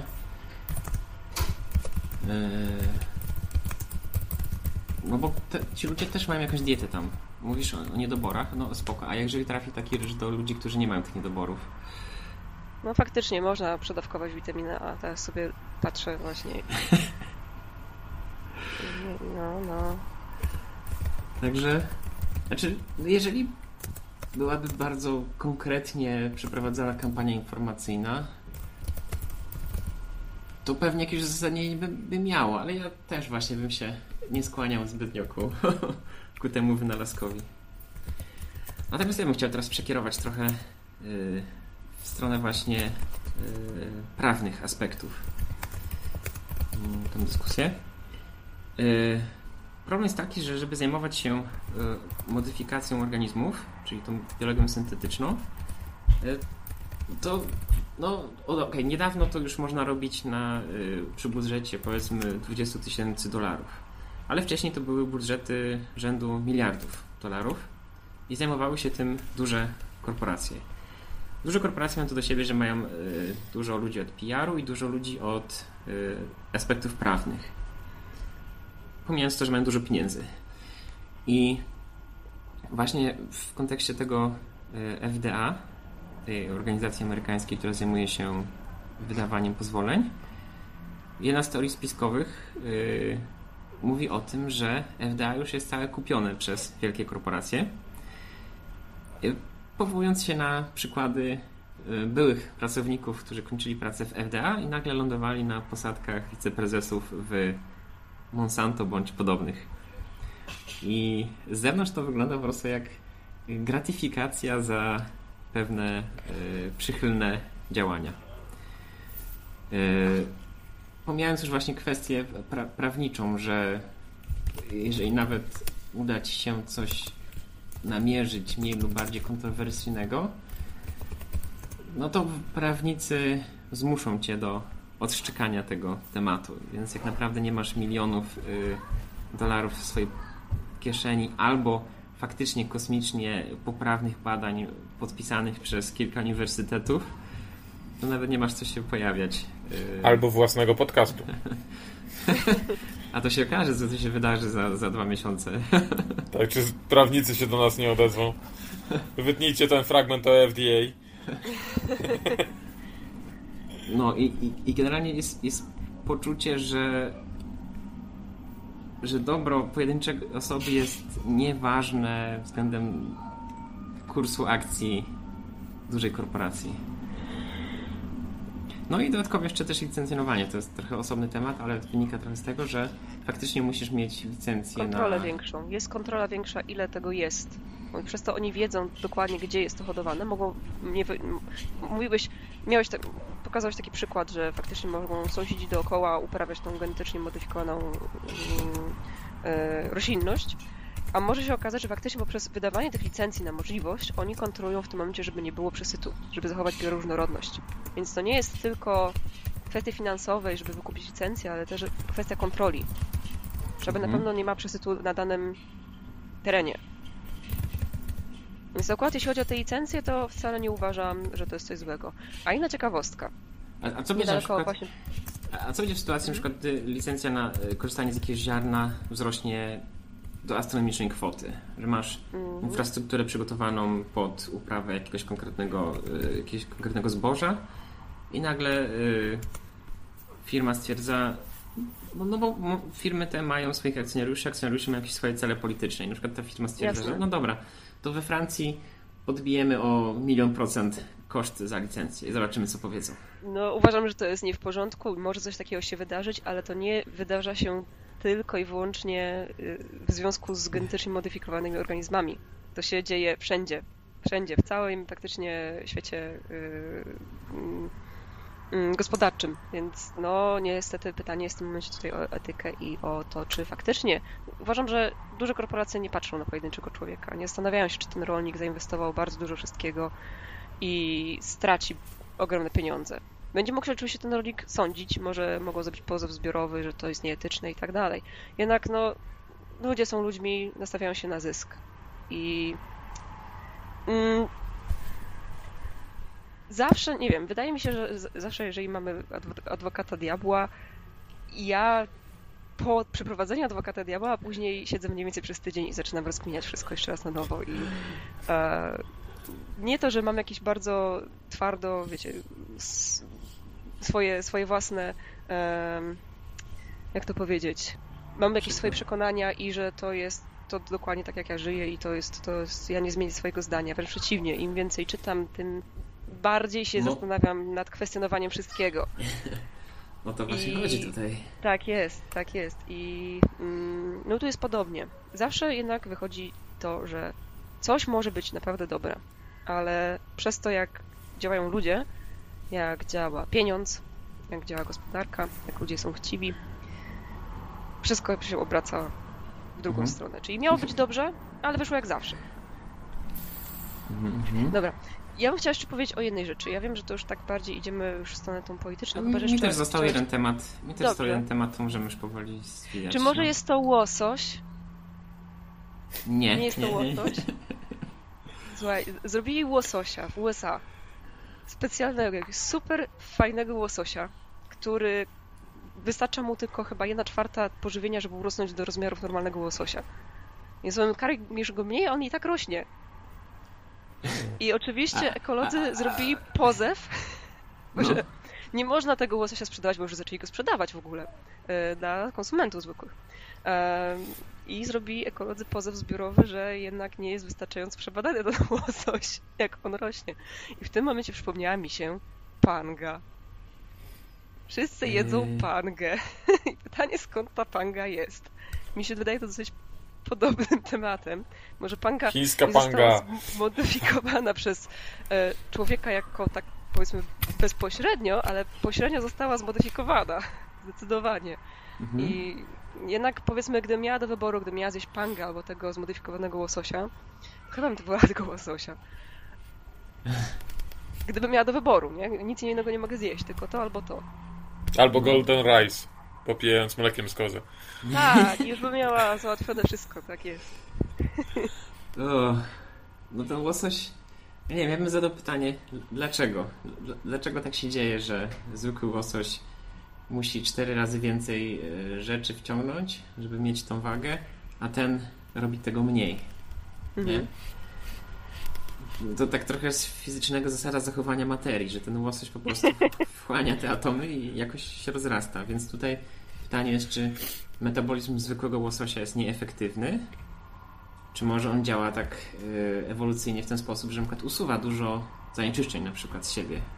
Mhm. Więcej, jakoś tak Mhm. żwawiej. A ten łosoś po prostu bierze wszystko, co wpadnie, przebudowuje na swoją tkankę i po prostu jest takim zbieraczem wszystkiego. Rozmawiałam ze swoją ciocią, która mieszka w Kanadzie i powiedziała, że generalnie łosoś, bo u nas łosoś traktowany jako coś takiego, wiecie, no jednak, jednak jest to jedną z droższych ryb i jest Znaczy to się Fancy. zmienia Wręcz to powoli. zmienia. Tak, ale są te łososie hodowane, wiadomo, yy, hodowlach i one są trochę tańsze. Chów Tak, klatkowy. tak jest. Tak jest. W. No tak, no one są w takich, one są w takich właśnie, Fish farming. no, No, no w każdym razie powiedziała, że taki dziki łosoś, taki dziki łosoś angielski tam w okolicach Kanady, on praktycznie wyparł większość gatunków normalnych ryb. Więc łososie tam są tanie jak barszcz. To są te takie dzikie, niehodowane i tak dalej. I tam łosoś to jest, to jest takie jedzenie, jak kiedyś był w Polsce śledź. Śledź teraz jest super drogi, ale gdzieś tak na początku XX wieku, w połowie XX wieku śledź to było najtańsze jedzenie i kto jadł śledzie, to, to tak to no, biedował trochę, trochę po prostu. Chciałabym, żeby wróciły te czasy, że śledzie się je, ponieważ się nie ma pieniędzy. Ja śledzia to tak rzadko jem. Szczególnie Matiasy. O, ja bym O, chciał ja bym mieć dietę na. Matiasach. No dobra. W każdym razie z tymi, z tymi właśnie tak chciałam powiedzieć o tym łososiu, bo to jest taka ciekawostka, że faktycznie wstrzymano tą sprzedaż i produkcję, ponieważ aktualnie są podczas e, spraw sądowych. Więc No. też jestem ciekawa, co z tym łososiem? Dlaczego on jest taki super hiper? no. Ja bym się bardziej cieszył, gdyby faktycznie opublikowali badania naukowe. Y, Może dlaczego są, wiesz tak co, nie udało? patrzyłam. Nie patrzyłam. Myślę, że sobie później popatrzę, e, bo tak w ostatniej chwili w sumie znalazłam tego łososia. E, Myślę, że sobie poczytam na ten temat. Mhm. No, no jest to jest na pewno ciekawy temat. Mhm. E, No, no bo właśnie, bo jest kilka ro- rodzajów też modyfikacji tych organizmów, bo są takie właśnie modyfikacje dość e, szalone, jak właśnie wzięcie kawałka skorpiona, wsadzenia do grzyba, żeby komar umarł, bądź e, generowanie antybiotyków przez kozę, Piękne przykłady, nie sądzisz? generowanie Tacy wszyscy właśnie... szaleni naukowcy mogą być. A, teraz sobie wezmę tego skorpiona do tego grzybka i zobaczymy, co się wydarzy. No, no, no. O, wszystkie komary umarły. To Jak to się po, stało? połowa, połowa wrogów Spidermana tak powstała przecież. Nie. No ale, ale są też właśnie modyfikacje, które na przykład zmieniają proporcje jakichś elementów w organizmach. Jak z tymi Mhm. ziemniakami chyba chodziło o, o proporcje różnych rodzajów skrobi. Tak. Więc to też są jakby różne, różne poziomy, różne poziomy ryzyka i różne poziomy jakby mojej niechęci Jasne. na, na potrzeby tej dyskusji. Ale Mm. wiesz, że przed GMO ludzie też to wszystko robili. Tak, tak, tak. To, Że to nie jest Karol powiedzmy- uświadomił. To, to, to nie jest coś, co się w ogóle. Wpływ człowieka na organizmy żywe w celu hodowli, zwiększenia produkcji i tak dalej, to nie jest wymysł lat 70. To się Mhm. dzieje od, od średniowiecza praktycznie. Szczepienie Od drzew na zawsze. przykład. Jako moderator starszy chciałem powiedzieć od zawsze. E, W, w Biblii też były jakieś takie e, teksty w Starym Testamencie o owcach, które gdzieś tam patrzą na jakieś coś i się zmieniają. Generalnie to było takie trochę niezrozumiałe dla mnie, ale miałem wrażenie właśnie, że oni też tam próbują tak e, sterować doborem naturalnym po prostu. Tak. Po prostu na przykład y, wybieranie jakichś cech konkretnych i poprzez krzyżowanie y, zintensyfikowanie tych cech. No, Nie wiem, czy wiecie, skąd się wzięły- jest taka Tak jest. dziedzina. Nie, nie wiem, czy wiecie, skąd się wzięły labradory. Z innych Y, Robertów. przepraszam, golden, golden retrievery. A, Z labradorów. Tak jest. Z labradorów. Z jednego labradora- Z jednego labradora, u którego wystąpiły właśnie nietypowy fenotyp, ponieważ był właśnie jasny. I praktycznie z jednego psa wytworzono cały, cały nowy, mm, całą rasę. Golden Retriever- Retrieverów. I no, mm, mnie to powiem szczerze trochę przeraziło, bo znajoma mo- mojej znajomej hodowała Goldeny i powiedziała, że te psy są tak biedne i tak chorowite i czasami jak się trafi bardzo zły po prostu linia genowa, no to się szczeniaczki rodzą z różnymi wadami, strasznymi wadami. Od razu się, no, takie szczeniaczki usypia, bo one nie miały, bo to są letalne wady, e, czyli śmiertelne. Mhm. I... Jak większość ras psów. Rasowych. Tak jest, więc generalnie rasy psów w ogóle. Człowiek zawsze chciał mieć wpływ na to, nie? jak y, po prostu, jakie, jakie cechy będą pasować. To niekoniecznie musi być pies, bo pies do polowań jest, był potrzebny. Musiał mieć konkretny, określony zestaw cech. Nie mówię już w tym momencie o takim zniekształcaniu psów, że nie wiem, nie można szczeniaczka pogłaskać, bo mu oczy wypadają. Są takie, jest taka rasa. No, mopsy to są, tak mi się wydaje. Więc to są przerażające rzeczy i uważam, że to wszystko idzie za daleko w celu jakiejś estetyki, chorej estetyki. Więc ja zawsze, ja jestem zwolenniczką e, kundelków, czyli psów wielorasowych. Jest to największa różnorodność genetyczna i generalnie jest ok. Chodzi o to, żeby nie skupiać się tylko na jednej cesze. Mhm. No i to jest dosyć istotne. Ale pamiętajmy jeszcze, że dodatkowo y, istnieje coś takiego jak szczepienie drzew, czyli na przykład na jedno drzewo możesz y, zaszczepić je innym gatunkiem. Czyli na przykład jeśli masz roślinę, która daje lepsze owoce, ale jest bardzo na przykład y, nieodporna na grzyby, które się rozrastają w korzeniach, możesz wyhodować dosyć prostszy, możesz mieć po prostu prostsze drzewo, które jest odporne na te grzyby i ma pień. Nie? Mhm. Nie, nie, nie atakują tego grzyby bardzo, bardzo mocno w tym momencie, on jest odporny na to. I na tym pniu szczepisz już te konkretne gatunki, które na tego grzyba przy korzeniach nie są odporne. Tak? Czyli, ale, mm, ale jako takie, moderator coś... chciałem tylko wspomnieć, że to nie jest zmiana genetyki i takie drzewo nie może się samo rozmnażać, żeby Ja nie mówię o genetyce. Ja nie mówię o genetyce. Ja mówię o modyfikowaniu yy, przez człowieka roślinności w celu uzyskania jak największej. Mhm, tak, jak najbardziej. Więc to, to, to człowiek robił. Myślę, że po prostu GMO... Nie, nie tylko robił, możliwości... w tej chwili każde drzewo kupowane tak mm, w ramach drzew owocowych jest praktycznie szczepione, więc to jest, to jest norma do dzisiejszych czasów. Jest, jest coś takiego jak, nie wiem, słyszeliście, odmiany botaniczne roślin.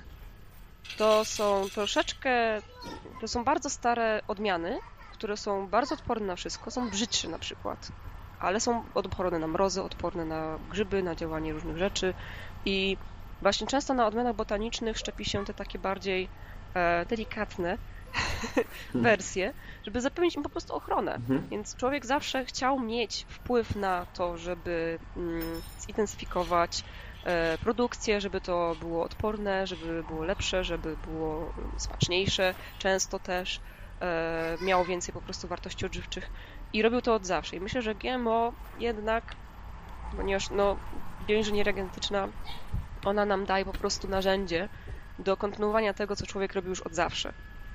Chciał po prostu mhm. poprawiać to, co już było. No to tutaj właśnie płynnie weszliśmy w temat, którym chcę zamknąć moje argumenty. Super. Mm. Wspomniałem o tej zasadzie ostrożności, e, która mówi o tym, że jeżeli wprowadzamy coś nowego, co ma duże ryzyko, powinniśmy to dobrze przetestować. No i ta zasada ostrożności jest tam dyskutowana e, w nauce, w filozofii, y, no bo czasem trudno jest znaleźć dowód, że coś nie wystąpi.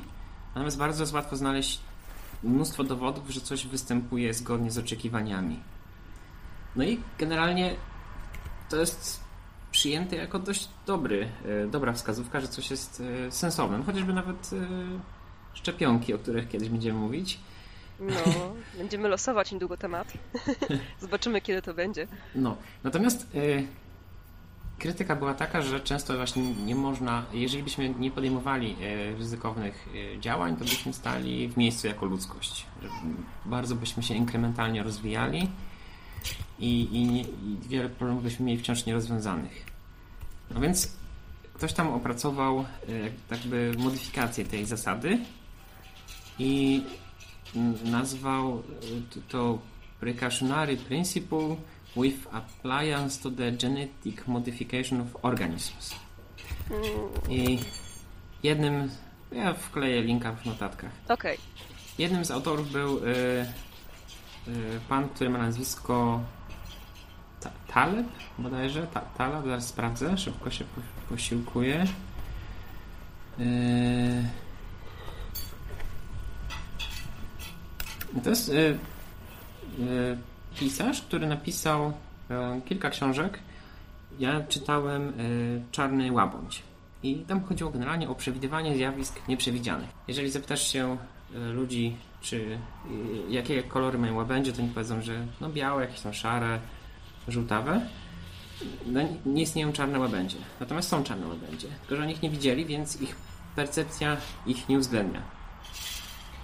No i tutaj jest y, pytanie właśnie o jak wycenić ryzyko procesu, który ma teoretycznie nieskończenie duży koszt. Bo wdrożenie czegokolwiek okay. daje jakieś zyski i koszty. Tak. Y, no i jeżeli zyski przewyższają koszty, no to jest. Y, to jest ok. Prosty problem. No i teraz estymujesz sobie modyfikację genetyczną ryżu na przykład. No i wychodzi na to, że tutaj uratujemy tyle i tyle dzieci. Y, koszt będzie, no, musimy zbudować tyle i tyle fabryk. Y, rządy rozważają koszty licencyjne. No i to sobie wszystko sumujemy. Natomiast co będzie, gdy potencjalny błąd w czy to w produkcji, czy to w projektowaniu, czy to w ogóle w wdrożeniu tego zmodyfikowanego organizmu nie doprowadzi do powstania super problemu, który zagrozi ludzkości. Yy, czyli na przykład yy, stworzenie jakiegoś yy, właśnie zboża, które jest odporne na na Roundup, które się zmutuje tak, że będzie odporne na wszystko. I jeszcze nagle z, przypadkowo jeszcze, zostanie, jeszcze zacznie być płonne i zacznie się wszędzie rozmnażać. Taki super chwast powstanie po prostu. Jest coś takiego już. Nie, słyszałeś o barszczu sosnowskiego? tak, Barsz Sosnowski był cudowny, To jest cudowny przykład właśnie. jako... Miała być e, pasza, miała tak. być jaka pasza dla zwierząt, a okazało się, że ma tak, jest tak uboga w białko, że nie dość, że zwierzęta nie chcą tego jeść, to jeszcze nic nie daje, a podczas kwitnienia jego olejki eteryczne y, parzą skórę na tyle, że i układ oddechowy, że tak. dorosłego człowieka mogą wystąpić poparzenia, ale na przykład dziecko jak przejdzie przez takie pole barszczu sosnowskiego może umrzeć tak. z niewydolności oddechowej. I barszcz sosnowskiego ma pewien problem. Y, bardzo lubi się rozprzestrzeniać. I gdziekolwiek się pojawi, już są w ogóle, bo to, to dostaliśmy to w ramach przyjaźni polsko-radzieckiej. Tak, ale jest prawda, to miało być super rozwiązanie w ramach kwestii paszy. To chyba nie jedyna rzecz, którą dostaliśmy w ramach przyjaźni polsko-radzieckiej i odbiła się nam czkawką. Jak, jak, jak to było w jakiejś jadłodajni? Kto chciał ruskie? Nikt nie chciał, same przyszły. o, kocham te stare dowcipy naprawdę z, z poprzedniego okresu, prawda. No dobrze. W każdym razie barszcz sosnowskiego, oprócz tego, że rozmnaża się przez same te nasiona, on rozmnaża się jeszcze przez kłącza, które rosną na bardzo głębokiej, na dużej głębokości. I bardzo ciężko jest go wyplenić, więc ja wiem o, o co chodzi, więc e, nie musieliśmy go genetycznie modyfikować i tak dalej, ale już są, są Sam takie się z genetyką które, które wystarczy, wystarczy je po prostu przenieść na miejsca, w których nie powinny rosnąć, bo to za Uralu zostało przywiezione. Jeżeli on tam sobie siedział za tym Uralem, tam są inne warunki atmosferyczne i tak dalej, i no wiadomo, klimat jest inny, tam faktycznie mógł być pod kontrolą. Ale jeżeli przyniesiono go na piękne, żyzne tereny z łagodnym, umiarkowanym klimatem, poczuł się jak ryba w wodzie. Mhm. No. Znaczy tutaj właśnie nastąpił ten czynnik tej separacji czasowej i przestrzennej, że jednak tak. trzeba było go przytargać, jednak trzeba było go gdzieś tam wstępnie zasiać, zasadzić i, i to sobie jeszcze jakoś tam e, musiało wyrosnąć. Później w ciągu paru lat podjęli decyzję, że to jest bez sensu, później to wycięli. Gdzieś tam po rowach faktycznie ten barszcz Sosnowskiego się znajduje. I z tego, co mi się wydaje, chyba jeżeli ktoś z Was będzie widział barszcz Sosnowskiego, to może spokojnie zadzwonić chyba nawet i zgłosić to. Tak. Zgadza się i oni przyjeżdżają praktycznie od razu, żeby to się nie, roz, nie rozwinęło. Tak, Udało tak. się wyplenić y, w drodze tam do moich rodziców na wieś. Faktycznie rosło go bardzo dużo, kiedy się wprowadziliśmy 15 lat temu, a teraz już go nie ma w ogóle. Więc tak. jest, została panowana sytuacja, przynajmniej lokalnie. Właśnie. A to, do czego ja zmierzam, to jeżeli, e, bo korporacje lubią używać takiego słówka time, time to market, czyli jak e, długo zajmie nam wdrożenie tego pomysłu, który miał tutaj John na zebraniu, żeby dawał nam pieniądze już, żeby wpływały przelewy na konto. Jeżeli ta liczba jest zbyt długa, typu 20 lat, no to pomysł może być zawieszony, nie? Ale jeżeli to jest pół roku, no to John dostaje swój zespół, wdraża i śmiga. No i właśnie ten time to market i współczesna logistyka e, na świecie powoduje to, że jeżeli na przykład stworzylibyśmy takiego, taki super, e, super zły jakiś chwas przez przypadek, taki barszcz 2.0, zanim byśmy się zorientowali, możemy go rozwieść wszędzie, zasiać wszędzie praktycznie e, i on sobie będzie już żył. Także tutaj nie ma tej separacji czasowej i nie ma tej separacji em, przestrzennej. Y, nie wiem, jak działa na przykład sposób testowania y, takich organizmów. bo- Szczerze powiem, nie wiem, ale wiem, myślę, że wiem, kto mógłby wiedzieć. Jesteś gotowy? no, Fundacja słucham. Billa i Melindy Gates. Oni wspierają badania i, i jak najbardziej są za. Mhm. Wiem, jak to działa właśnie z mojej strony, z, z IT, że mamy jakiś nowy pomysł, mamy coś zaimplementowane, to na dobrą sprawę możemy bardzo tanio dołożyć całą masę różnych dodatkowych testów. Jest nawet taka anegdota. Y, Wchodzi programista do baru i zamawia jedno piwo. Wchodzi programista do baru, zamawia milion piw. E, Nie, przepraszam, wchodzi tester do baru i zamawia jedno piwo, wchodzi tester do baru, zamawia milion piw, wchodzi tester do baru i zamawia minus jedno piwo, Yy, wchodzi tester do baru i zamawia kolor, kolor zielony, wchodzi tester do, ba do baru tylnym wejściem i próbuje zamówić piwo. No i tak można w nieskończoność ten dowcip jakby rozwijać. No, ale tutaj mamy jakby jakoś, jak, jakiś proces, który w miarę wydaje się być tani i efektywny. I oczywiście mam mnóstwo y, wad i oczywiście przypuszczam mnóstwo błędów, bo systemy się wy- wywracają na produkcji codziennie. Natomiast ciekaw jestem, jak to wygląda w właśnie w organizmach modyfikowanych genetycznie. Y, jak, nie wiem, jakie mutują ludzie, znaczy ci y, naukowcy, jak one są na różne warunki wystawiane, na różne gleby i, i, i tak dalej. Tutaj mam właśnie takie przeczucie, że to jest bardzo mały wycinek tego, co powinno się robić. No, no plus właśnie dodatkowo te naciski na time to market, y, że o, konkurencja już tutaj produkuje srebrny ryż, to my musimy ze złotym ryżem przycisnąć trochę szybciej. A Może coś... platynowy już jest, już jest w planach. Tak jest. Nie, nie wiem, czy jest coś ewentualnie takiego w planach, że e, owszem, implementowa- zaimplementowanie tego będzie trwało na przykład pół roku, ale plan wycofania się z tego będzie trwał 5 lat, żeby to już było rozwinięty, powiedzmy, plan wycofania się z tego projektu. Pewnie nie ma jakichś takich, e, nie ma takiego planu w gospodarce, żeby w razie czego mieć plan awaryjny. Hmm. Bo Dobrze. często ludzie po prostu podejmują decyzję, żeby po prostu zintensyfik- zintensyfikować y, dochody, a Mhm. nie zastanawiają się, ile może bę- bę- będzie kosztować wyłączenie tego pro- problemu. To jest, Mhm. to jest ciekawe zagadnienie, bo myślę, że to by mogło rozwiązać problem Właśnie. nieprzemyślanych decyzji. Właśnie, właśnie. Pro, problem na przykład u nas w Polsce to było na, na bazie. Mm, sól ma taki dodatek, który jest też nad morzem w powietrzu. Jod. Jody. Jod. Yy, właśnie, kiedyś generalnie idea była taka. Jo- Jodujmy, wysyłajmy ludzi nad morze, żeby nawdychali się jodu, żeby. Yy, Nie dla wszystkich. no okej. Jak się ma Hashimoto, to raczej nie powinno. No właśnie, a okazuje się, że sól jest jodowana do- dodatkowo. I spotkałem się z opinią, że już teraz w ogóle wyjazd nad morze nie. Może oprócz tego, że pyłu nie ma tam i generalnie smog jest mniejszy, to sam jod nie ma jakby dużego znaczenia, bo już teraz sól jest jodowana, więc mamy już za- zapotrzebowanie na jod zapewnione e, Mhm. poprzez sól. I teraz, no tutaj akurat wyjście z tego problemu, jakbyśmy chci- przestać, chcielibyśmy przestać jodować, no to byłoby po prostu proste. Nie domieszkujmy jodem i, i tyle, nie? Ale jak Tak. na przykład właśnie w Chinach okazało się, że nagle wszyscy mają już odpowiedni poziom witaminy A i że ten ryż jednak już trochę przegina tą witaminę A, już pojawiają skutki uboczne, to czy właśnie łatwo było się wycofać na masową skalę z produkcji tego ryżu na ryż zwykły po prostu, nie? W ogóle ten projekt ze Złotym Ryżem, on był, to nie był taki pomysł jakichś konsorcjów i tak dalej, i tak dalej, bo to miała być pomoc humanitarna, w sensie to był projekt humanitarny. Więc to też, no... Chciałam No, właśnie. zaznaczyć, że to, że to nie było z góry uznawane, że to ma przynosić zyski. Mhm. Czyli dostali licencję gratis, tak? Nie, sami, sami stworzyli. Tam jest cały, słuchaj, artykuł, właśnie polecam. Aha, sami stworzyli. Znaczy nie No to- sami, to akurat, y, ojej, zaraz patrzę. Szybkie, nie pamiętam wszystkiego niestety.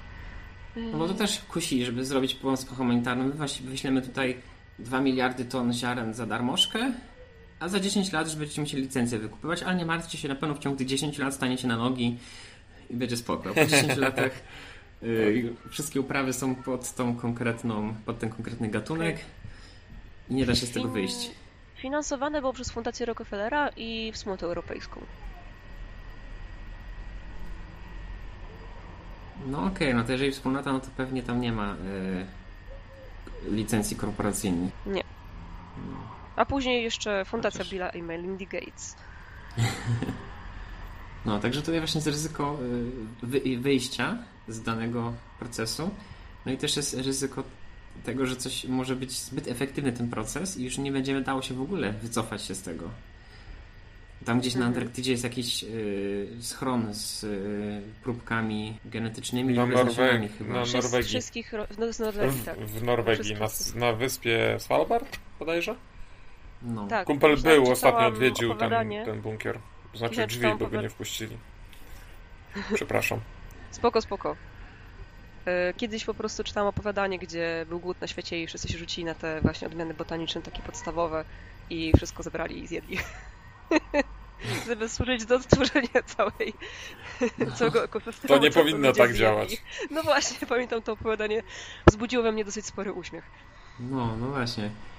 To trochę właśnie dokładnie taki trochę dziwny pomysł. Ale w sumie nie zdziwiłbym się, gdyby tak się mogło, gdyby to nie, nie, mo, nie mogło się zdarzyć w jakiejś alternatywnej przyszłości. Mam nadzieję, że alternatywnej przyszłości. No, natomiast właśnie koszt odwrócenia tego procesu. Właśnie Tak. Żeby od razu był plan i ile to będzie kosztować. Dobrym pomysłem byłby kill switch w tych organizmach, żeby mieć roundup, za, zawsze roundup na to coś. no, Tylko inny niż roundup. No, bo, bo często właśnie w efektywności, w wydajności tworzenia danych produktów zapominamy właśnie, że one mogą być zbyt y, delikatne pod innym kątem, albo zbyt trwałe pod innym kątem. Mhm. No i też w tym dokumencie, gdzie tam zaproponowano ten system analizy y, tej y, zasady ostrożności, też tam było wspomniane, że no spoko, może powstać jakiś super y, gatunek ziemniaka, który prostu będą korzystać, bo jest super łosoś, który jest cztery razy y, wydajniejszy. Wykarmimy wszystkich, nie martwcie się o nic. I później przyjdzie jakaś choroba, która tego, ten jeden gatunek łososia zmiecie po prostu i nie będzie żadnego łososia już. A wiesz, gdzie tak było? Y, W W Irlandii tak Irlandii! W Irlandii tak było. Na początku XX wieku jedna z fal emigracji bardzo potężna spowodowana była tym, że Irlandczycy byli zmuszeni przez Anglików do hodowania tylko ziemniaków. Ponieważ było to... Irlandczycy tak naprawdę dzierżawili te ziemię, nie, nie byli... Oni przez 800 lat byli uciskani w ogóle przez Wielką Brytanię, to jest niesamowite. E, mieli, by, byli de facto no, zmuszani do tylko i wyłącznie hodowania tych ziemniaków. Przyszła zaraza ziemniaczana, z- zdziesiątkowała pola, albo nawet i bardziej, i ludzie umierali z głodu. Co było no, dosyć, dosyć intensywne. To było w ogóle pod koniec XIX wieku, e, więc e, taka pierwsza fala emigracji. Właśnie przez to, że ludzie głodowali i wtedy nie było tej różno- różnorodności, no, bioróżnorodności. bioróżnorodności, no. Mhm. Z innych rzeczy, a propos tego, straciliśmy jeden z gatunków banana w bardzo podobny sposób, Tak. gdzie większość Tak. plantacji była jednego gatunku. Nagle przyszła choroba i nie mieliśmy tego jednego gatunku. I teraz mamy Cavendisha, który ma Nie jest taki jako smaczny. gatunek ma. Nie jest Nie jest, nie jest taki smaczny, ale też ma 90 parę procent populacji, więc jeśli e, przyjdzie kolejna choroba, może się okazać, że z Cavendisha nic nie zostanie. E, Chiquita prawie zbankrutowała chyba, nie? I Tego nie czytałem, natomiast to było straszne uderzenie w, rynek bananowy. I jeszcze niektóre y, takie mm, aromaty i w ogóle polepszacze smaku robione są ze starych bananów, więc jeżeli chcecie poczuć smak starego banana, to trzeba znaleźć jakieś, e, no, jakieś przeterminowane gumy do rzucia czy coś takiego. Przeterminowana A. guma z lat 60. Tak, bo jeszcze, nie, nie, nie, ona jeszcze, nie, to, ten ba banan niedawno wyginął. Tak, Tak? Tak, on, on, to, jest, to jest rzędu chyba 5-10 lat tak naprawdę. Więc y, jeszcze są wyprodukowane polepszacze smaku, które są w użyciu jeszcze z tych poprzednich. To wytłumaczyło, dlaczego wydawało mi się, y, że kiedyś banany były słodsze. Tak, tak. I w ogóle były smaczniejsze, nie były takie bardzo mięsiste, one były bardziej takie lekko wodne. No, No, tęsknię za tymi bananami starymi. Nie ma. to może Natomiast Może gdyby Unia nie mia, miała być inne banany. Gosia, może powinieneś założyć y, fundację, która spróbuje odzyskać gdzieś takiego banana i go odtworzyć. Get my banana back. Tak ją Będziesz nazwę. podróżować po świecie jak ci eksplorerzy z plecakiem w czapeczku, będziesz zaglądać w każdy kąt i patrzeć na banany. Albo może w tym że schronie nie- mają. A może w tym schronie mają. Tam w Norwegii.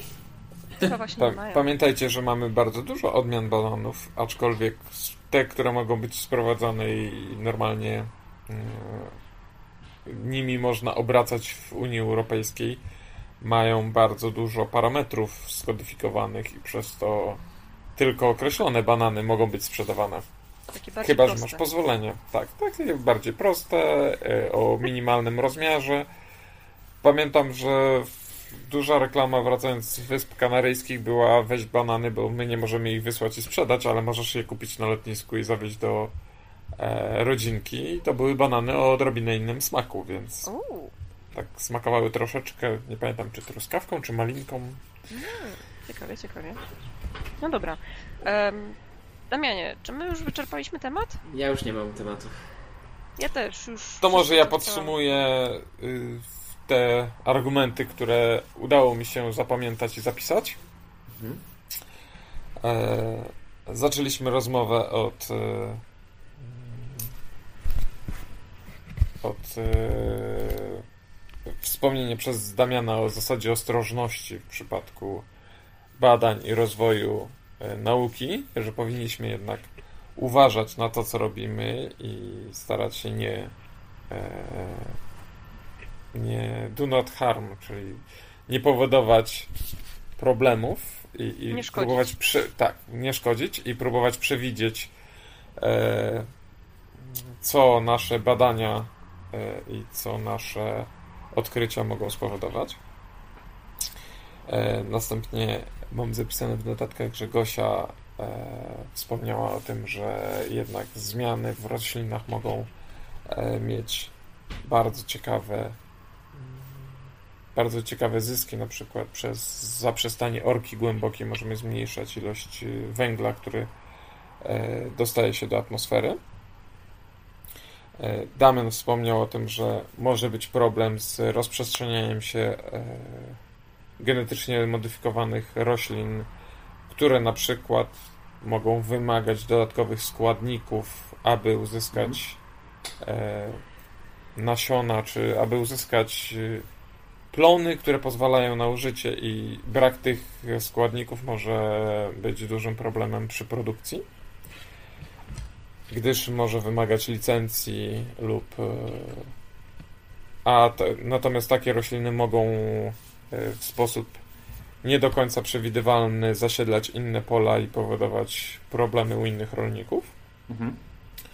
E, i że mogą zmniejszyć bioróżnorodność, gdzie odpowiedzią Gosi na zachowanie bio, bioróżnorodności było to, że są badania na temat zachowania bioróżnorodności po prostu stosując kilka gatunków, z których każdy jest genetycznie modyfikowany. I Natomiast może być sprawdzane przez licencję. tak i, natomiast e, sama licencja jest e, też dobrym pomysłem, gdyż rolnik może być chroniony prawnie, gdyż on nie jest odpowiedzialny za to, co robi określona rodzin, e, roślina, a e, licencja. W sumie, Tak? to się mogę wtrącić, bo w sumie o tym nie przedyskutowaliśmy. Tak? nie sprawdziliśmy Nie, to tego. był taki, to był taki w sumie mój luźny, luźno tak rzuciłam, bo się tak zastanowiłam nad tym. Ja Nie też, wiem, właśnie, też właśnie nie jestem pewien, czy to jest jakaś odpowiedzialność yy, Licencyjna. Firmy. No, licencyjna. Może się okazać, że będziemy później odpowiadać, ktoś będzie odpowiadał za zbrodnię przeciwko ludzkości, bo wyprodukował buraka. No tak. No jeżeli to będzie firma, to tak, a jeżeli być człowiek, no to już dziwne by to było trochę, nie? Tak, no rolnik w takim wypadku nie powinien odpowiadać za to, że kupił sobie produkt komercyjny od innej firmy i miał licencję na jego użytkowanie. No, no. Natomiast pytanie, co z tą armią prawników, która tam Tak, tak, pytanie, kto wygra? No, pod, bierzesz nasiona, podpisujesz EULE, że no, tak, że tak. generalnie Nigdy nie pozwę tego. Ale jeżeli twoja wioska umrze, no to coś nie tak zrobiłeś w procesie. Tak, tak, tak. It's your fault. Są też jakieś kontrole, kiedy rolnik sadzi GMO? W sensie, że przyjeżdża kontrola i sprawdzają, czy to jest tak, jak zostało opisane? Nie wiem, nie, nie, nie mam w rodzinie No, żadnych rolników, którzy sadzą GMO. Ty powinnaś mnie przekonać, że jest. Jadę dzisiaj do rodziców, to zapytam tatę. Okej. No. To czy skończyliśmy już e, Tą dygresję tak. tak, dygresję.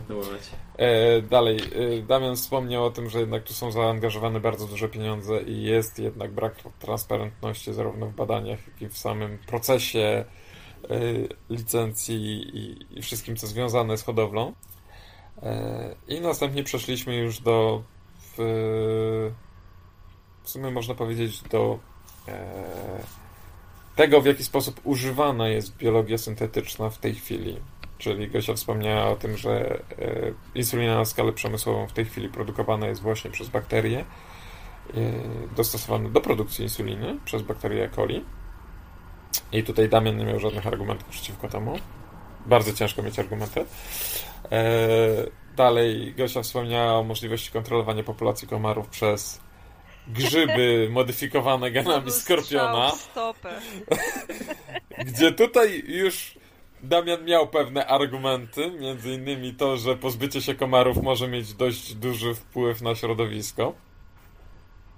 E, swoją drogą, e, ja tutaj dodam własną dygresję, e, nie wiem po której stronie, natomiast, e, bo także tutaj kontrol, e, odpowiedzią było kontrolowanie populacji komarów przez cokolwiek jest problemem.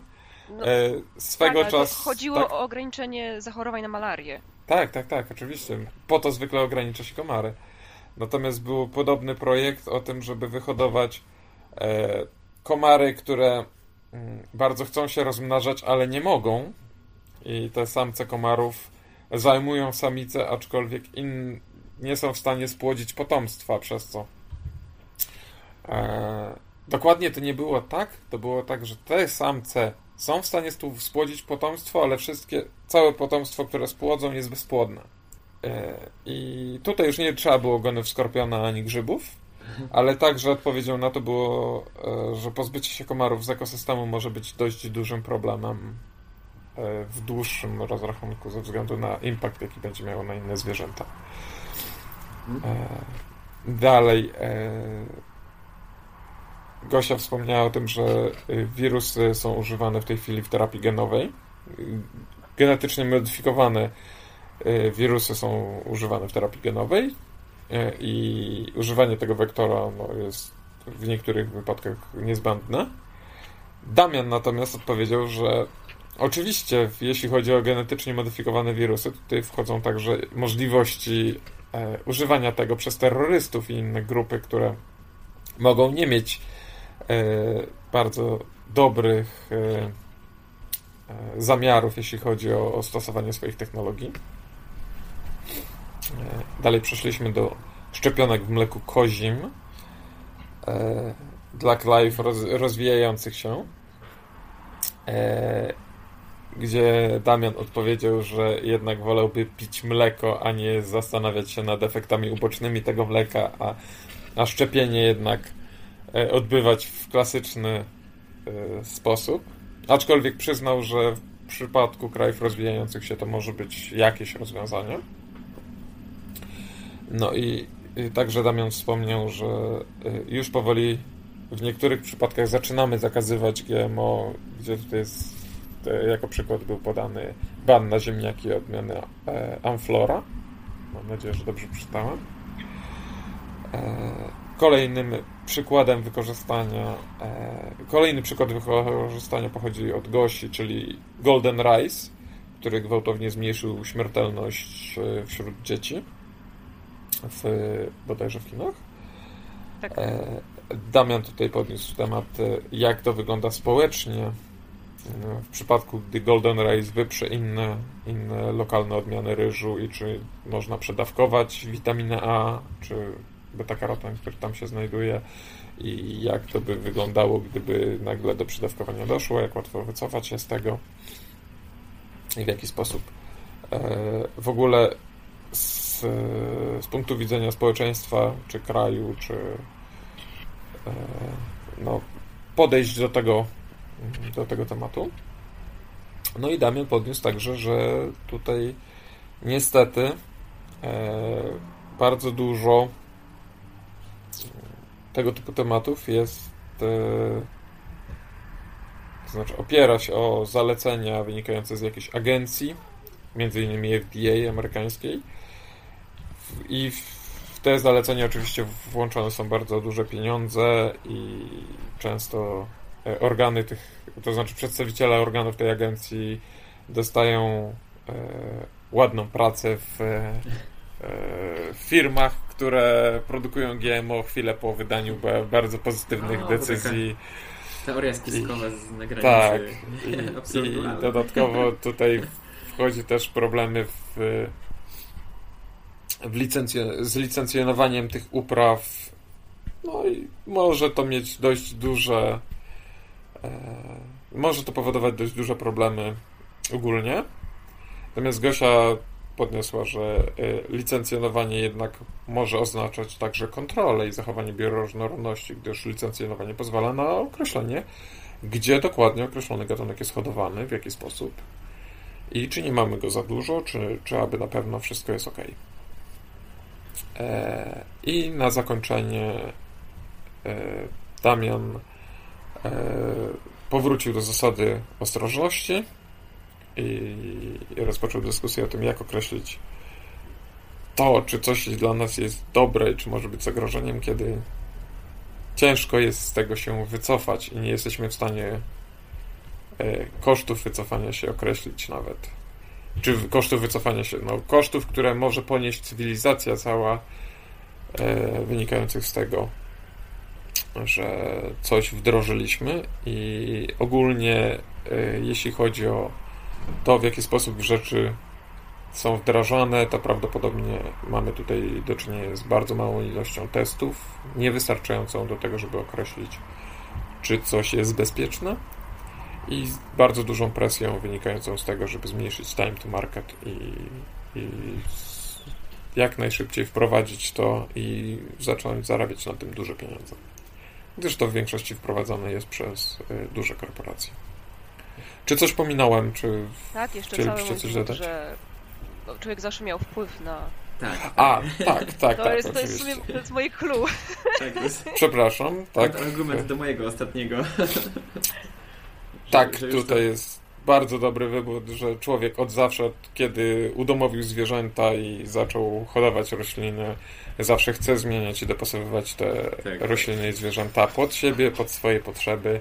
To jest zupełnie normalne od tysiącleci no, wręcz. Od znanych zapisów historycznych w zasadzie. Dokładnie, więc... Nawet może i wcześniej, bo znajduję tam jakieś szczątki tych, yy, tych produktów wszystkich yy, spożywczych. Tak, natomiast e, teraz po prostu staliśmy się efektywniejsi w tym, co robimy. Gdyż kiedyś to wymagało kilku pokoleń, żeby określoną cechę wzmocnić w, w, określonym gatunku, natomiast teraz jesteśmy w stanie to zrobić w pojedynczym pokoleniu, po prostu wszczepiając tą cechę w określony sposób. Nadal moim zdaniem, tutaj moja dygresja, nadal jest to lepsze niż to, co mieliśmy na początku XX wieku, gdzie były sprzedawane losowo napromieniowane zboża jako nasiona niespodzianki, które rolnicy mogli sobie wyhodować i a nuż coś fajnego w tych nasionkach powstało. E, nadal to, to dzisiejsze metody są dużo lepsze od tego, co było wtedy, bo wtedy nie mieliśmy żadnego panowania nad tym, co, co z tego wyrośnie i czy przypadkiem nie zabije nas wszystkich. E, no i chyba to już koniec. Czy chcecie jeszcze coś dodać? Nie, nie jest chyba komplet. Myślę, że nadszedł czas na wylosowanie tematu za dwa kolejne odcinki. Troszkę ten, prze, przejęłam troszkę tą część. Czuję się Dobra. bardzo dobrze wybierając te tematy. Jesteś tak, naszą... Ja, ja, ja, nie wiem, czy my wytrzymamy tempo adwokata diabła. Tak. Wytrzymamy. W każdym razie i tak na następnym odcinku będziemy rozmawiać y, nie na temat adwokata diabła, nie będzie adwokata diabła, tylko będziemy rozmawiać po co nam portale społecznościowe, czym miały być, czym, mm, czym miały być, czym były kiedyś, czym są teraz. Oj, I podoba mi się temat. O, mi też, bo to mój. Dobrze. Y, teraz będziemy losować za dwa kolejne odcinki naszego adwokata diabła i będzie to kręgarze i fizjoterapeuci. Nawet taki temat w ogóle nie jest. Tak, tak, chyba nawet ja go rzuciłem. Teraz losujemy rolę. Mam nadzieję, że nie będę musiała o tym rozmawiać.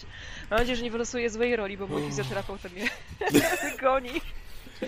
Znaczy, pierwotnie chyba w temacie nie było fizjoterapeutów, aczkolwiek no, można ich dodać. Kręgarze jako... Mm, No, tutaj tak było niestety. jest, No, tak zaczynamy? jest. O nie, to jest niemożliwe. Powtórzyło się. Ja będę za kręgarzami, Karo za fizjoterapeutami, a Damian będzie moderatorem. Czy moglibyśmy polosować to jeszcze raz? Bo ja bym chciała Znaczy- być moderatorem w końcu. Myślę, że faktycznie trzeba zadbać o jakieś urozmaicenie ról, bo e, Tak, za dużą presję będziesz mieć, jak trzeci raz pod rząd będziesz musiała być za. bronić. Okej, udało się to zastosować z piątym losowaniem. Okej, musimy zmienić nasze algorytmy. Damian będzie za kręgarzami, Karol będzie za fizjoterapeutami, a ja będę moderatorem. Bądź kręga... za kręgarzami. No. Nie no, generalnie słuchajcie, z kręgarzami jest tak, że no ja wielokrotnie słyszałam, że kręgarz, dobry kręgarz, taki polecony, e, faktycznie może pomóc. I, Tak, tak. I, i, I to nie jest tak, że to są, to są osoby, które na przykład sprzedają jakiegoś ziółka, które nie wiadomo co jest w składzie i ludzie sobie bardziej szkodzą niż... To są źli kręgarze. Tak, w sensie nie, nie, nie. Generalnie kręgarstwo to nie, nie jest aż taki, powiedzmy, to jest, nie jest aż taka straszna rzecz, więc powiem szczerze, bardzo jestem ciekawa tego tematu. I nawet osobiście znam jednego kręgarza.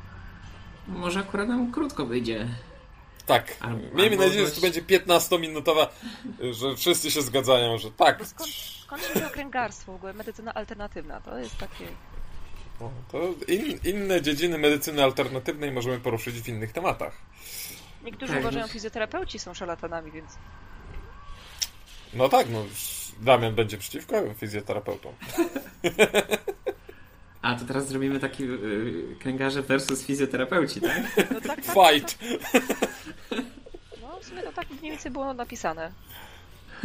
Ja nie pamiętam zapisywania tego tematu, ale okej, No jest dobra. tutaj. Nie, i fizjoterapeuci. Mieliśmy płaskoziemcy VS normalsi. To chyba Karol napisał. Nie, nie, nie. Kto używał słowa normalsi? Nie mam pojęcia, aczkolwiek ja go nie używam, przynajmniej nie w codziennym życiu. Ja myślę, że przed nagraniem ustalimy dokładnie, jak e, to będzie. Jak ma brzmieć formalnie. tytuł. Tak, i ten tytuł będzie umieszczony w tytule po, po, po publikacji, więc Tak. e, każdy słuchacz będzie widział od razu, e, co tam się będzie działo. Tak jest. Aczkolwiek kolejny adwokat diabła szykuje się bardzo soczyście. Chrupiąco. Czy mamy coś rzeczy? chrupiąco, dosłownie. Czy mamy coś tutaj jeszcze, co chcielibyśmy omówić? Polecić może. Tak. Ja ostatnio nic nie czytałem, e, nie mam nic do polecenia. Ja mam na swojej liście film, który chcę obejrzeć. Serial. Mhm. E, w głowie Billa Gatesa. Jeśli jest taki coś na Netflixie. Billa Gatesa. To brzmi chyba jak jakiś dokumentalny. Tak, tak, zgadza się. Ale stwierdziłam, że muszę być e, gotowa na to. Myślę, że po dzisiejszym odcinku, który nagraliśmy, będę chciała więcej się dowiedzieć o fundacji Billa i Melindy Gates. No i mają tam trochę ciekawych pomysłów. Yy, Kiedyś był chyba TED, gdzie Melinda Gates mówiła, że no, musimy zacząć kontrolować ilość urodzeń, bo inaczej będzie lipa. No i tu też było dużo dyskusji. To nie brzmi dobrze. Biorąc pod uwagę, że wszystko wskazuje na to, że liczba urodzeń na świecie zaczyna się kontrolować troszkę bardziej niż chcielibyśmy. Tak sama z siebie. Eee, aha. W sumie nie dotarliśmy jeszcze do jakiejś takiej naturalnej granicy, więc może faktycznie to się samo ureguluje. Tak. Ale nam, w każdym razie wykres nam się wypłaszcza. Aha, no ale z drugiej strony też są, pamiętam te wszystkie atraktory Lorenza i jakieś tam stabilność układów biologicznych. To tam były jakieś takie wątki, że gdyby jakieś zwierzę zaczęło rodzić średnio w miocie o jeden więcej, to by wyginęły. No. To by wyginęły, bo zbyt duża potrzeba żywienia, zbyt duże niszczenie środowiska, zbyt długa y, żywotność. W symulacji cały układ po prostu rozsypały w pył. No Więc no to, to pytanie, czy jest sens u nas spróbować to ograniczyć w jakikolwiek Właśnie. sposób. Pomiędzy stabilnością a katastrofą jest bardzo cienka linia w niektórych układach. Ale to taka dygresja tylko. Tak. Mm, Dobra, to myślę, że możemy kończyć. To dziękujemy Wam wszystkim za słuchanie. Tak, dziękujemy za słuchanie. Mam nadzieję, że troszkę y, zachęciliśmy Was do rozważań niektórych, niektórych tematów, niektórych zagadnień. I mamy też nadzieję, że wrócicie do nas w następnym odcinku. Y, Dzięki, cześć. Cześć! Cześć.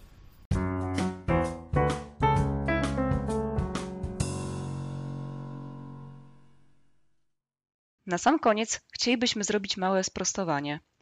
Nasiona roślin GMO, dopuszczone do uprawy, są niepłodne. Oznacza to, że z zebranych plonów nie wyrosną kolejne pokolenia. W takim wypadku nie musimy się obawiać, że rośliny GMO rozprzestrzenią się w środowisku i wyprą naturalne odmiany. Dziękuję.